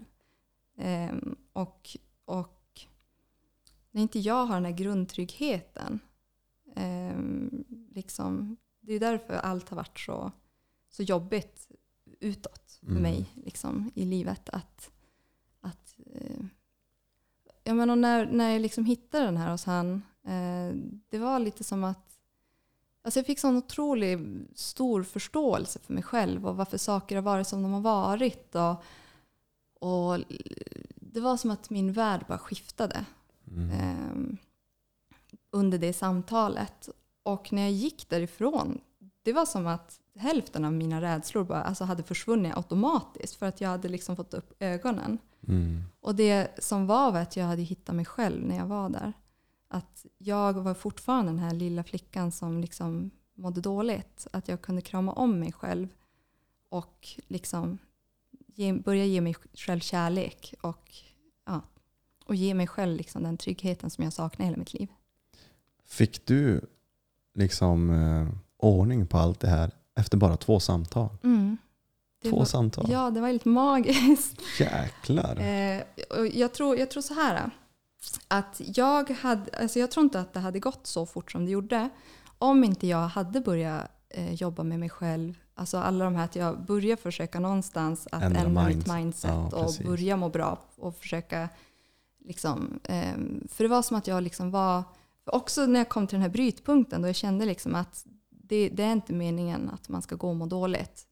Och det är liksom typ antingen så dör jag eller så gör jag något åt det här nu för att, Åh, jag känner igen mig. ja, för att det, det är liksom ohållbart. Mm. Och då var det också så här som att jag bara, okej, jag testar allt. Jag är öppen för allt. Mm. Så här, välkommen allting. Att så här, ja, nu testar jag bara och ser vad som funkar. Mm. Och för att jag var öppen och mottaglig och också börja göra någon slags resa där jag förstår att Ja, men lite, alltså, att jag förstår att det är jag som måste göra jobbet. Det är ju ingen annan som liksom gör det åt mig. Det är bara jag som kan börja må bra och ta hand om mig själv. Mm. Det är du som måste ta ansvar Mm, över dig själv. Precis. Mm. Och det var liksom, ja men allt det här tillsammans gjorde att det gick så otroligt fort. Mm. Sen fortsatte jag ju såklart gå sen för att fortsätta liksom, eh, börja må bra. Ja. Men det var sån otrolig skiftning. Att, alltså, ja, att, för det blev också liksom, för jag var så här, varför har jag varit deprimerad? Och min utmattning har hängt i och jag har ingen energi och är trött. Och, och man, nästan lite så här, du vet, skyllde på lite allt och alla och lite så här, inte såg liksom att jag kanske har en del i det. Och, Mm. Ehm, och från att liksom få upp ögonen och bli... Alltså det var också så här att jag bara blev från en sekund till en annan så otroligt mycket mer snäll med mig själv. Mm. För att jag har också haft social fobi. Eh, och tyckte att det var jättejobbigt att prata med människor och liksom träffa människor. Ehm, och jag har till och med tyckt det var jobbigt att bara gå till affären. Och det här är också något som kom ehm, när vi flyttade till Stockholm. Och det tror jag är liksom, du vet, hela mitt liv, att jag har gått och mått dåligt och flytt från mina känslor. Att det blev en sån stor Mm. boom när vi flyttade. Liksom. Såklart. Ja. Ehm, och vad skulle jag säga det här med social fobi då? Men eh, att det, det försvann typ lite från att, alltså för jag, ja men jag kan ha tidigare när jag har pratat med människor eller varit på middagar eller vad som helst så har jag kunnat sitta och vara ganska mycket tyst för att jag har varit så blyg och lite introvert och, och tycker det är jobbigt att prata med folk. Och då har jag varit så otroligt tass, alltså elak mot mig själv och klankar ner på att jag sitter och är tyst. Mhm. Mm. Och det här, alltså den här kärleken till mig själv, det är den som liksom bara ja, helt vreds om. Och jag bara, men det är inte konstigt att jag har social fobi om jag inte liksom haft en trygghet. Och det var som att jag kunde förstå så mycket mer och då kunde jag också börja bli så mycket snällare med mig själv. Mm. Att så här, det är helt okej att du är nervös nu inför det här. Tidigare har jag varit så här, åh, jag är nervös, måste vara något fel på mig. Alltså, så här, det är inte mer att man ska må, alltså, vara så här i sådana här situationer. Varför kan inte jag umgås med människor? Mm. Typ. Exakt. Ehm, att jag istället så här, men det är helt okej att du är nervös. Det är självklart. Jag har, gått, och dels, jag har gått ett helt liv med invanda beteendemönster Mm. som sitter kvar. Liksom. Att, och istället för att fly så har jag istället mött alla mina känslor och verkligen gått in i dem. Och, så här, och förstått så här, vart kommer det ifrån? Ja men det kommer från det här. Men det är inte ett dugg konstigt att jag mår så här just nu. Mm. Ja men du får vara nervös. Det är helt okej. Jag Exakt. håller din hand genom det här. Exakt. Och det är liksom så jag har börjat ehm, alltså jobba med mig själv. Och där kommer ju morgonrutinen in då. Den är så viktig. Ja, att, att jag liksom kan ändra min, mitt tillstånd. För att jag kan fortfarande vakna liksom och vara stressad eller att det är mycket i huvudet eller vara nervös över saker. Eller liksom. Men att då ta den här lugna stunden på morgonen och gå in i mig själv och liksom möta mitt sanna jag varje morgon. Mm. Det är det som har liksom gjort så stor skillnad Mm. till där vart jag är idag. Jag tror att, eh, eller jag är ganska säker på att eh, liksom, vi som jobbar med personlig utveckling och kanske du har kommit jättelång bit med dig själv, jag har Mm. kommit otroligt långt med mig själv. Eh, och då kan jag få så här eh, av, av folk som säger, men liksom, vad är så här hemligheten? var- Varför känner du aldrig så som vi känner? Och då, Mm. Det är så bra att du säger det, att du kan vakna upp stressad. Mm. För vi är ju fortfarande människor. Mm. Vi känner exakt samma känslor som ni känner. Ja. Men vi tränar varje dag, Mm. hela tiden med oss själva för att hantera det här bättre. Exakt. Och det är det som jag kanske tycker är hemligheten. Mm. Vi övar hela tiden. Mm. Ja men verkligen. Och eh, den, jag skulle också säga att en del av hemligheten är att våga möta sig själv. Exakt. Det är så, för jag håller på ganska mycket med meditation och det vet jag att det är jättemånga som nästan får liksom ångest när de sätter sig och meditera. Och det är för att de inte är vana att vara bara med sig själv. Mhm. För det är också så här när, när det blir liksom tyst runt om en, om man sitter där med bara sina liksom tankar och känslor, att man säger wow, alltså då får man plötsligt syn på hur mycket tankarna och känslorna snurrar i kroppen. Mm. Och, eh, och den här stressen många då upplever handlar ju om att man kanske brukar fly dem vanligtvis. Liksom. Mm. Men det här att våga möta sig själv är ju ett steg skulle jag säga. Och sen Mm. så är det ju, det är självklart att vi också liksom är glada och ledsna och stressade och allt som alla andra. Självklart. Ja, Det är ju livet. ja men verkligen. Mm. Men jag tror att vi tillåter oss att vara det. Mm. Att det är det som är skillnaden. Vi flyr inte från det längre. Exakt. Mm. Exakt. Vi, vi accepterar det. Ja, Alltså helt enkelt. exakt. Det För, är en att, del för av det är ju, ja, det är ju helt Mm. normalt. Mm, precis. Och det ska ju inte, bara för att vi känner en viss känsla så betyder inte det att vi ska klanka ner på oss själva. Nej. För ingenting blir ju faktiskt bättre Mm, av att säga till oss själva hur dåliga vi är. Eller mm, så här får du inte känna, det är inte normalt. mm, Det är bara Precis. bort med det. mm, Infinn dig i det bara. mm, Ett ganska bra exempel som kom upp nu i mitt huvud är eh, som jag verkligen kan ta som ett bra exempel vad meditation och mindfulness har, har hjälpt mig. Eh, när, jag, när jag höll en föreläsning här för två veckor sedan så efter föreläsningen så fick jag en fråga att eh, liksom just om mitt drogmissbruk som jag hade. mm, Att, men hur känner du idag? Att, hur, hur kommer det sig att du, att du kan vara ren ännu? mm, att, har du ingen lust att ta droger eller hur funkar det? Och då sa jag bara att men, så här är det. Jag kan ha lust varje dag och vilja ta droger. mm, För att liksom, känslan och, och kickarna och allting. Men när de tankarna och känslorna kommer så lägger jag ingen vikt vid dem. mm, Jag accepterar dem. Mm. Det kommer komma ett sug. Det kan komma varje dag. Vissa gånger är det jättestort sug. Vissa gånger så finns det inte alls. Men när det kommer så hanterar jag dem. mm, Och det är för mig ett väldigt, väldigt bra exempel för vad meditation och mindfulness kan göra med dig. mm. Att du, du hanterar de här känslorna och tankarna väldigt, väldigt bra. Ja. Ja, det är otroligt kraftfullt vad, liksom, vad det kan göra. Mm. Och så fint att du delar med dig av din Ja, historia. men tack. Ja, men för Mm. det är för mig ett...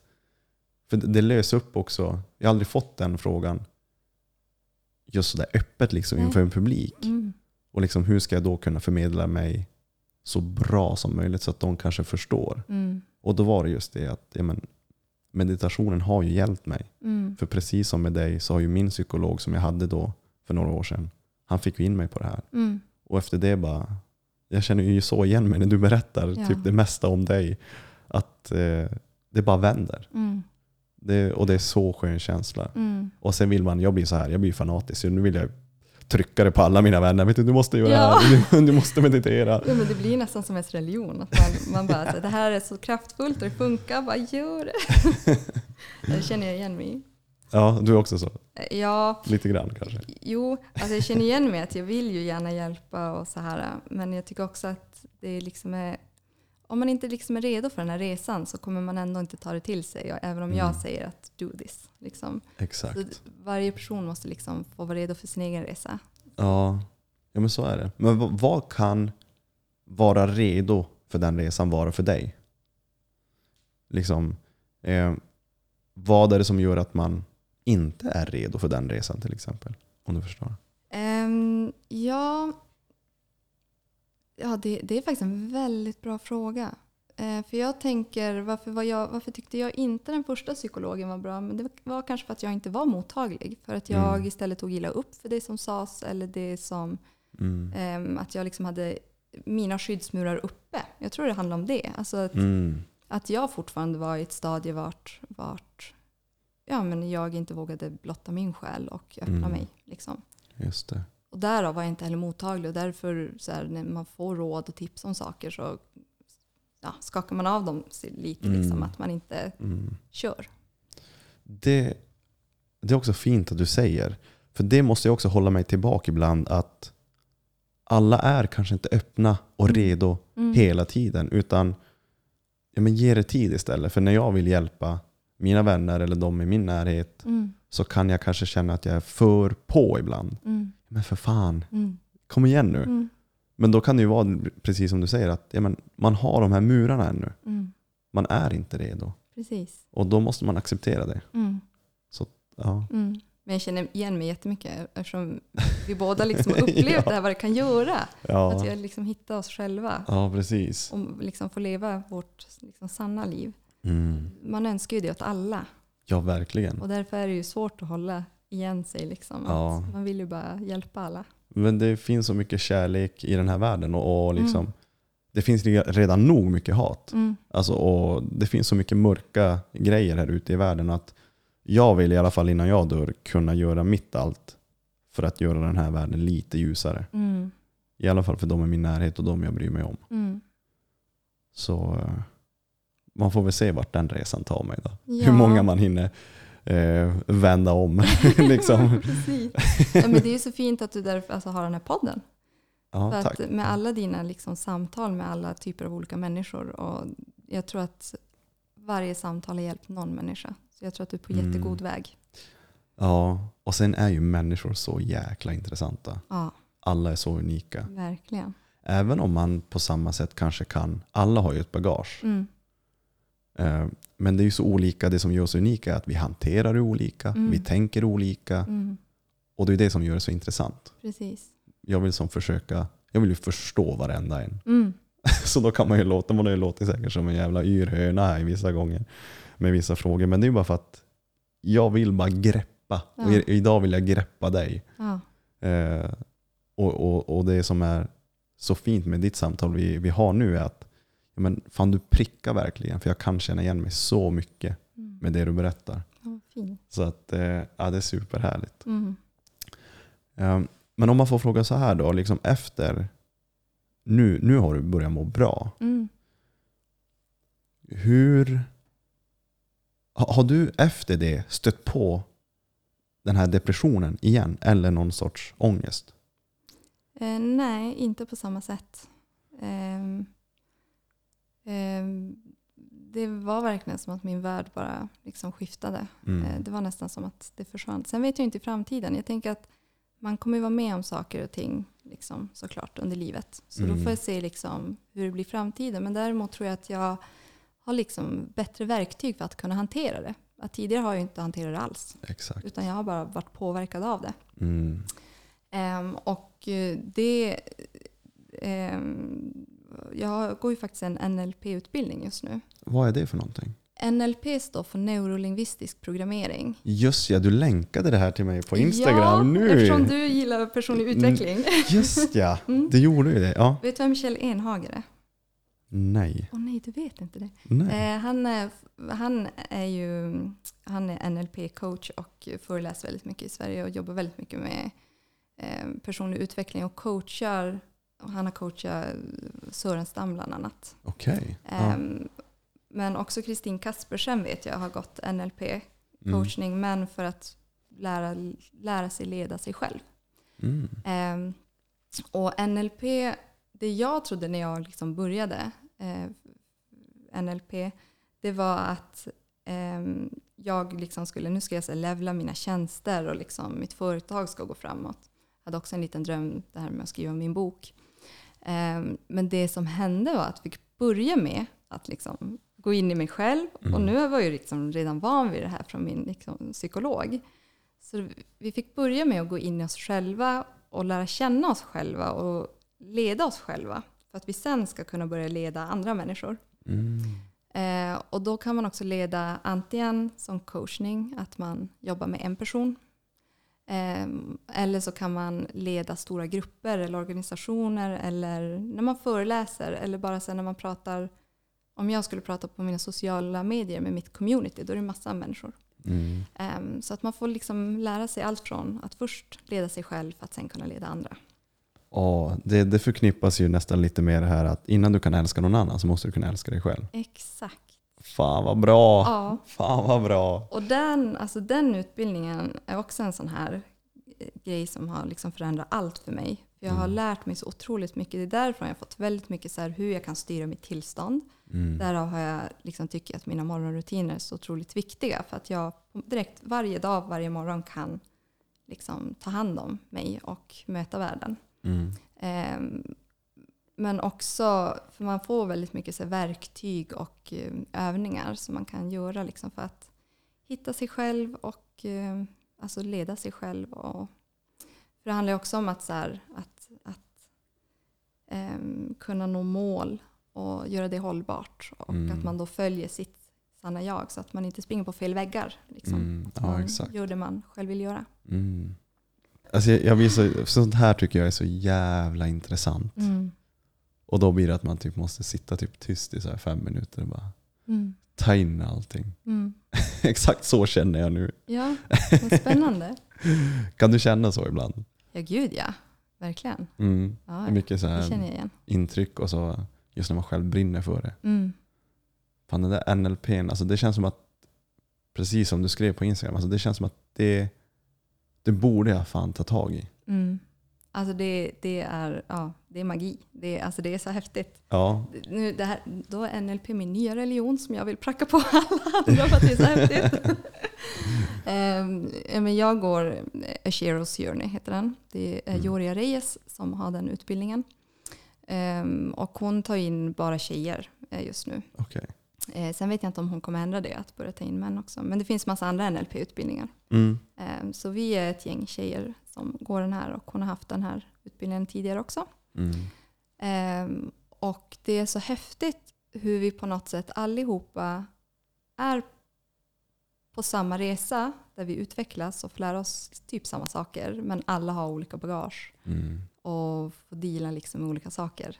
Och alla olika drömmar och mål som de vill nå också. Det är Mm. så häftigt att se allas utveckling. Mm.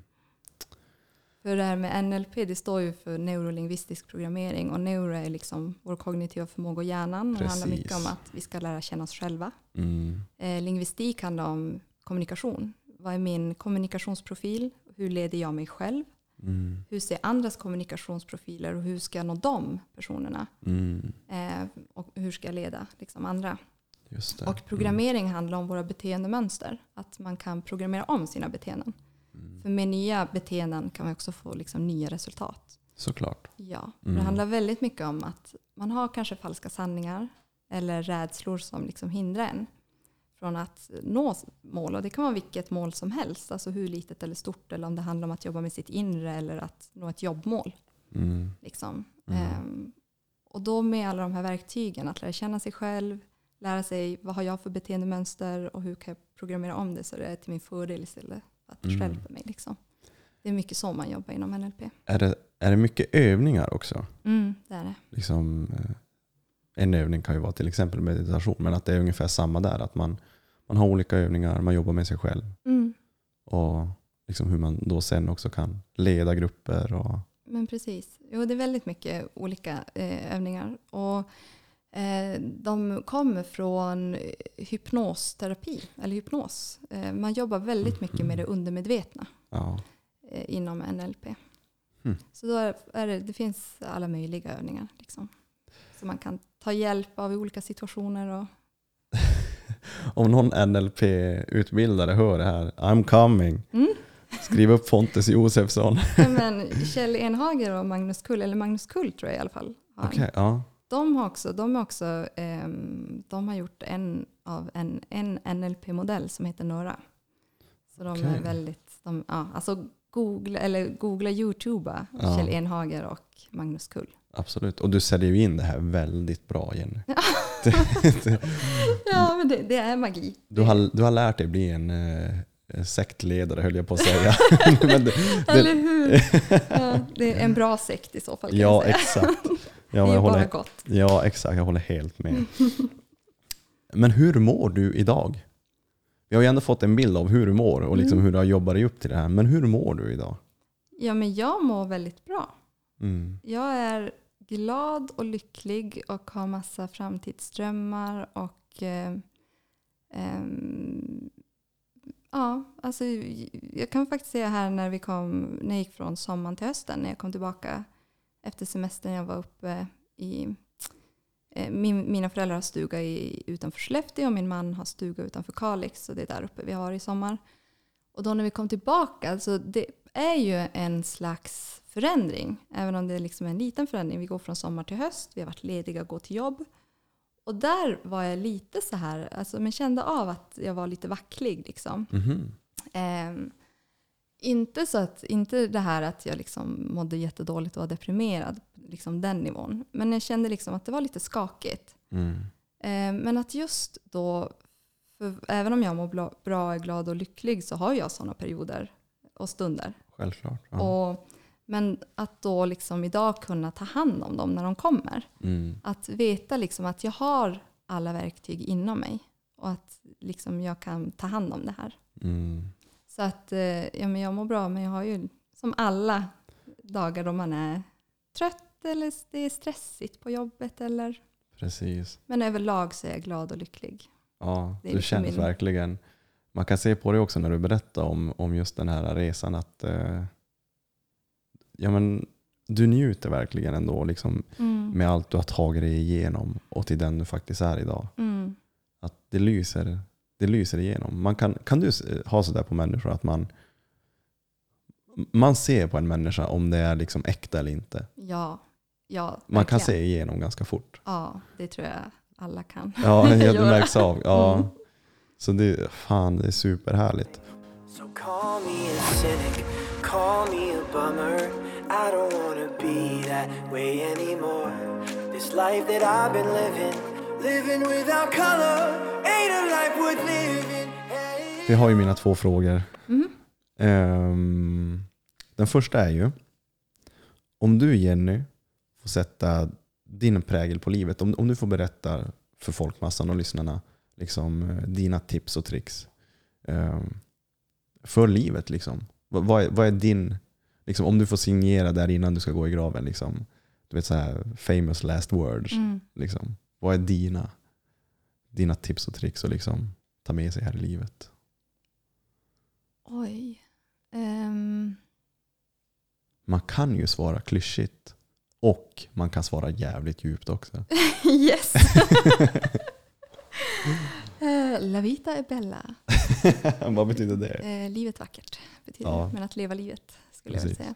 Ja. Eh, men alltså jag önskar ju alla att de får hitta sig själv.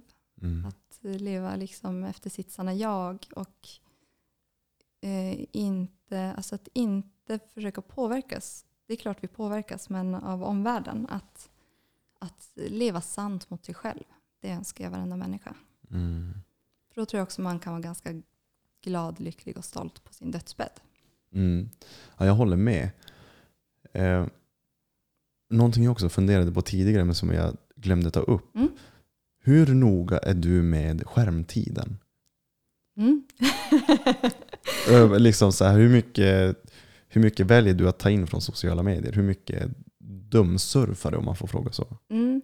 Eh, det där går också i perioder. Eh, ibland så kan jag sitta i alltså, någon timma och bara scrolla, läsa flödet. Mm. Eh, men jag har också perioder då jag har alltså, väldigt strängt så här. Klockan 19 lägger jag undan telefonen för att eh, få en lugn kväll och liksom börja varva ner och ta hand om mig själv. Mm. Ehm, och också att, så här, för att jag älskar sociala medier för att vi lär träffa liksom nya människor Mm. som inte behöver bo i vår stad eller vårt land. Eller, ehm, jag tycker det är ett jättefint medie på det sättet. Liksom. Att man kan dela sina historier och berättelser och mötas. Mm. Ehm, men just det här att ja, nej, men det går i perioder. Att jag både slösurfar och Mm. liksom, Ja, jag förstår. För, för varför jag just frågar det är Mm. också är att när du säger att man ska leva sitt sanna jag. mm, Och just sociala medier kan ju verkligen påverka ja, en, ja. ens självkänsla och liksom eh, ens tankar verkligen. Mm, Eh, det var bara därför jag frågade. ja. Liksom hur, Ja. hur noga du Ja. Nej, alltså jag, jag, jag kan tänka så här att om, om man surf, alltså är mycket på sociala medier och känner att man blir påverkad av det på ett negativt sätt, mm. då tycker jag verkligen att man ska försöka, alltså av, följ bara dem du älskar och vill följa, som du blir Mm. inspirerad av. Man behöver inte följa människor som man inte gillar eller som man blir påverkad av på olika sätt. Liksom. Mm. Man har den viljan, alltså att man, man kan liksom välja det själv. Det är ett klick bort bara. Ja, verkligen. Avfölj. verkligen. Och så här, skit i vad folk tycker och tänker om du avföljer dem. Mm. Att det, det är ditt välmående det handlar om. Exakt. Så att där kan väl jag säga att jag har ju valt väldigt mycket vilka jag vill följa på Instagram. Mm. Och därav är det inte, är det inte så mycket som tar så mycket energi av mig när jag Mm. väl är inne. Mm. För att jag har valt att ha människor som jag blir inspirerad av i mitt flöde. Och vet du, nu känner jag mig tacksam. Ja, För jag är ju en av dem du följer. ja du är en av dem. ja, men du är superinspirerad. Ja, men tack. Mm. Tack, tack, tack. Det, det är du också. Du är en intressant människa. Eh, ja, därför Mm. sitter vi här idag också. Ja, Eh, tack. Eh, Fint att nej, höra. men, men jag gillar eh, ditt svar ändå. För, för, för det sanna, nu min mage kurrar här, det kanske inte hörs i mickarna, men, eh, men ens sanna jag och liksom eh, eh, försöka leva efter det. Mm. Jag tror att det är först då du kan nå din fulla potential också. Mm. Av allt du besitter där inombords. Mm. Så att jag håller helt med dig. Mm. Sanning och öppenhet och ärlighet Mm. är så starkt Mm. och så nyttigt. Och det är så häftigt för att det, är, alltså det finns ju ingenting vi behöver lära oss mer. Vi har verkligen alla svar inom oss. Mm. Vi behöver liksom inte få ehm, alltså, vi kanske behöver liksom få verktyg att få hjälp att hitta de här sakerna inom oss. Mm. Men vi behöver liksom inte lära oss något mer. Vi sitter redan på allt vi behöver för att kunna börja må bra i oss själva. Mm. Eller för att kunna nå våra mål. Eller liksom, allt sitter vi redan på. Mm. Hur, mycket, hur insatt är du i stoicismen? Av till exempel den här boken jag lägger upp varje dag. Eh, inte så mycket alls, Mm. tror jag. Ehm, frågor där som jag tar med mig Mm. för att hitta en sanna jag. Liksom Mm. som du säger, att vi har ju svaren inombords. Mm. det är det att, att göra, när vi gör val Mm.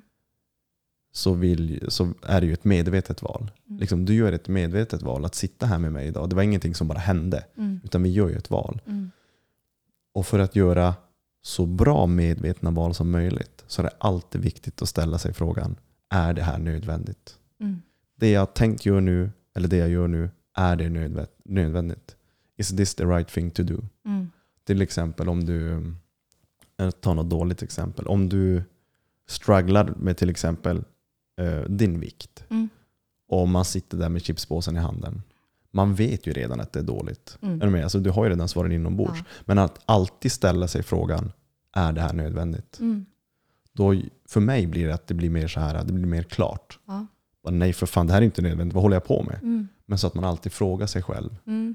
Liksom. Och inom NLP så är det här liksom en, att du tar ett liksom utanför perspektiv på dig själv. Mm. För annars är vi så mycket i oss själva och går bara på känsla och tanke att oh vad jag är sugen på chips och så har man helt plötsligt handen i den där chipspåsen. Precis. Ja. Men när man kan ha ett litet liksom, perspektiv utifrån på Mm. sig själv. Att är det här, ja, men om, om det nu handlar om att man vill gå ner i vikt, liksom, är det här det som kommer ta mig till att gå ner i vikt eller inte? Precis. Mm. Att, eh, att ha ett, ja, ett utanför perspektiv på sig. Mm. Ja. Ja, exakt. Ja. Svinbra. Så det är en väldigt bra fråga att ställa sig för att få ett utanför perspektiv. För det är Ja. kanske inte så enkelt att bara hoppa ur sig själv och se på sig själv utifrån. Ja, men precis. Mm. Att alltid påminna sig. Mm. Du, jag, jag gissar och tror att du också påminner dig själv ofta, varje dagligen, liksom att ja, men, i ditt fall älskar liksom Mm. ta hand om dig själv. Och, Ja men verkligen. Och för, för det är liksom där på morgonmattan det börjar. Sen kan jag se flera sådana här nedslag under dagen. mm, För att ens tillstånd förändras liksom under dagen. Men att alltid så här, vad har jag för behov? Vad är det jag behöver just nu? exakt. Eh, liksom, när jag ska göra val, att gå på min intuition, att inte tänka så mycket vad är rätt och vad är fel, utan så känna mer pirrar i magen. Mm, Att våga gå och lita på liksom, magkänslan Ja, eller det man har verkligen. innan sig. mm, Ehm, och att också ta, liksom, som jag sa tidigare, det här med när man gör val, att, att liksom inte bara välja utan att tänka till innan. Att är, är det här det jag vill göra? Liksom. mm, För då exakt. blir det som att man lever mer sant. Mm, Då går man efter liksom sin inre kompass i de val man gör under dagen och under livet. mm. Instämmer helt. Eh, bra, bra dialog på Mm. den frågan. Superbra. Eh, men då kör vi sista då. Yes. Eh, och den är ju eh, för många gäster väldigt svår att svara på. Men jag tycker det är en intressant fråga. För att jag tycker att man, jag får i alla fall en väldigt ärlig bild av personen i fråga. Mm. Men det är den här, om fem år, dina planer och drömmar, vart är du då i livet? Om fem år. Vet du varför jag ställer den här frågan också? Dels att jag får en bild av dig och liksom Mm. hur du tänker. Och, men Elon Musk har du koll på. Mm. Han sa, ehm, om du har en, för planer är ju, är ju, tycker jag är väldigt bra att ha. Mål och planer är, är, viktigt för att liksom driva sig framåt. Mm. Men då sa han det att, ehm, ta din tioårsplan, sätt upp den på väggen. Okej, ja här är den, det där ska jag göra. Det där ska. Och så säger, så säger du till dig själv, gör det här på ett halvår. Det som händer då Mm. är att du kommer förmodligen inte vara klar. Mm. Men däremot kommer du vara jätte, jättemycket närmare ditt mål än om du hade haft inställningen att du ska göra det på tio år. Ja. Förstår du vad jag menar? ja, vad häftigt. Så därför är planer och drömmar jätteintressant för mig. Mm. Som, eh, ja. Mm. Ja, vad Sorry att jag spinner vidare. Nu får du, varsågod, Nej. svara på frågan. Roligt att du spann vidare. Det är kul att få höra mer. Ehm, ja, vad jag då gör? Ehm, jag tänker ju, det första jag tänker är bara så här hållbarhet att jag tar hand om mig själv fortfarande. Mm. Och ehm, ja, gör det som är rätt för mig i, dem, alltså i, i, i mitt liv. Och lever sant eh, för mig själv. Men om man ska kolla lite sådana här yttre mål. ehm, så har jag skrivit min bok. eh, min samiska fantasy. Mm. Den tänker jag också är redan utgiven och ute bland mina läsare. Ja, då så. För det här är också en kul grej. Mm. Om du säger i en podd som publiceras offentligt, Mm. då vet du att fan nu måste jag ju göra det där. Ja, ja, men det där är också så roligt, alltså just det här med min bok. Att, alltså jag hjälper ju personer, skrivande personer med deras böcker. Mm. Och ändå så när jag sätter mig ner och skriver min bok så tar det bara stopp.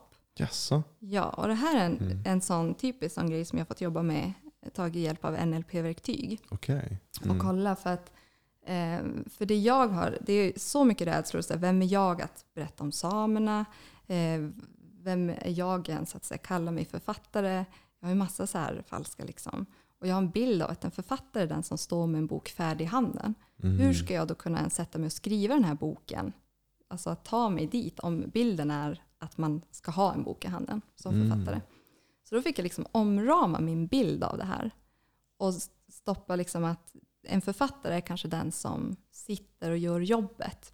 Att faktiskt sitta och skriva den här boken eh, x antal timmar i veckan eller månad så att den blir klar. Och när jag ramade om den här bilden att en författare är den som sitter och gör jobbet istället för den som står med en bok klar, för jag har ju inte den här boken. Mm. Då nästa gång jag satte mig och skrev, då bara flög det liksom. Jag har haft hundra ursäkter, jag måste göra mer research, jag måste prata mer Okej. med min pappa som har samiskt ursprung och liksom, eh, att jag hade så mycket grejer som stoppade mig från att ens börja skriva. Mm. Så det jobbar jag jättemycket med, eh, liksom med NLPn och det har gjort att jag har börjat skriva den här. Så den är ju faktiskt på G, min samiska oh, fantasy. nice, Mm. kul. Så att den tänker jag, den är ju utgiven inom fem år. Lätt. Ja. Eh, sen håller jag, vill jag ju utveckla mitt företag också. Mm. Ehm, Jag jobbar just nu som redaktör för en tjej som heter Alexandra Bylund. Ehm, Hennes bok ska ge ut, på tal om det här hur många böcker har blivit utgivna på förlag. Ja. Hennes bok eh, ska ges ut på ett förlag och jag jobbar med den just nu. Det är en fackbok om sociala medier. okej. Social Media Academy, så lyckas du i sociala medier heter den. Får du extra bonus? Eller är det ens någon bonus om det här går vidare till ett bokförlag? Eller har du alltid samma pengar? Ehm, man, man kan ta provision på böckerna som säljs. Mm. Så att jag liksom skulle få pengar för varje bok som säljs. right. Mm. Ja. Men eh, nej, jag får inte liksom en bonus för att det ges ut på ett förlag eller för att jag jobbar med liksom, privatperson. Ah, okej. Utan där Ja. tar jag liksom Du har betalt för mitt jobb liksom, Ja. som jag gör. Mm. Okej. Mm. Ehm, så att, att liksom gå vidare med mitt företag och börja jobba mer. Ehm, jag vill ju såklart ta in de här NLP-verktygen som jag har lärt mig. För jag tycker att de har varit helt magiska och gjort så otroligt mycket för mig och jag har fått så mycket verktyg. Jag vill bara dela det här med att hjälpa, vilja hjälpa andra. det vill jag få in i mitt företag så att jag lite kan från att hjälpa liksom texten också kan börja hjälpa personen bakom texten. Mm. För jag tror det är det som kommer vara den stora skillnaden som gör skillnaden. Okej, ja. Liksom att, att om jag också kan hjälpa liksom den skrivande personen Mm. med allt vad den har. Liksom, om den har rädslor över något eller som, saker som stoppar dem från att börja skriva eller våga låta andra läsa dens text. Eller, Mm. det vill jag hjälpa till med så att de får liksom nå sin dröm och ha den här boken i handen. Kul. Eh, Mm. Så att utveckla mitt företag är ju det och också att göra en utbildning, skriv, en typ skrivkurs online. Okej. Mm. Eh, Den kommer också finnas inom fem år. Den kommer finnas till våren kan jag säga. All right, så Ja. då kan man signa upp sig hos dig bara. Jajamän. Vad kommer den kosta? Eh, Det vet jag faktiskt inte än. Jag har inte kommit så pass långt att jag börjar fundera liksom priser. Okej, ja. Men det jag också har som dröm är att starta ett stipendie. eh, För att liksom många författare är ju kreativa arbetare som kanske inte tjänar jättemycket. Eh, Mm. Så jag skulle vilja ha ett stipendie.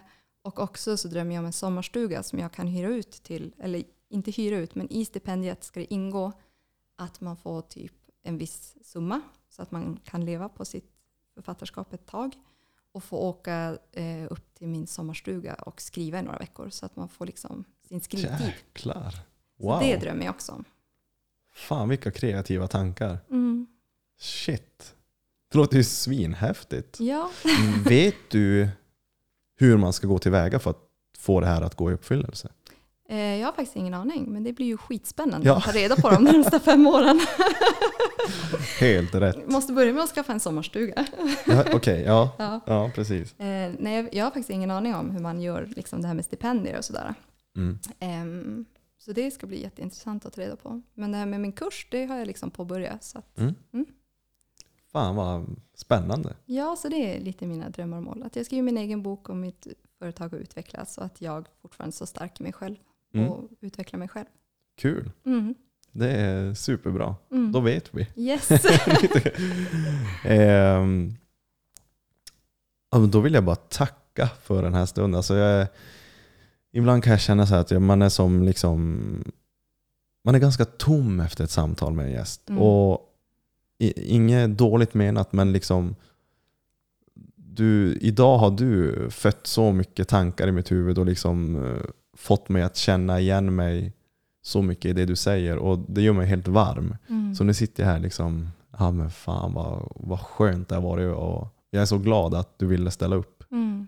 Ja, men tack så jättemycket för att jag fått vara med. Det var Absolut. jättefint att sitta och prata med dig. Så äntligen, ett år senare, Ja, fick jag precis. äntligen komma ner. Så att, eh, Jag är supertacksam och hoppas att eh, allt går vägen för dig, verkligen. Mm, tack. Eh, jo, innan vi lägger på. Yes. Eh, vart hittar man dig på sociala medier? Ditt namn? Det skrivna ordet. Precis. Yes. Går det att söka också på Jenny Unga så kommer liksom det skrivna Mm. ordet upp. Det gör det. Mm. Så Jenny Unga eller det skrivna ordet. Och det är på Instagram. På Instagram. Eh, och samma på Facebook. Eh, samma på Facebook. Det skrivna ordet har en sån egen företagssida. Mm. Men Jenny Unga om man vill prata med mig. Ja, ja. ja men precis. Så där hittar ni Jenny, det skrivna ordet ihop. Yes. Eh, ja.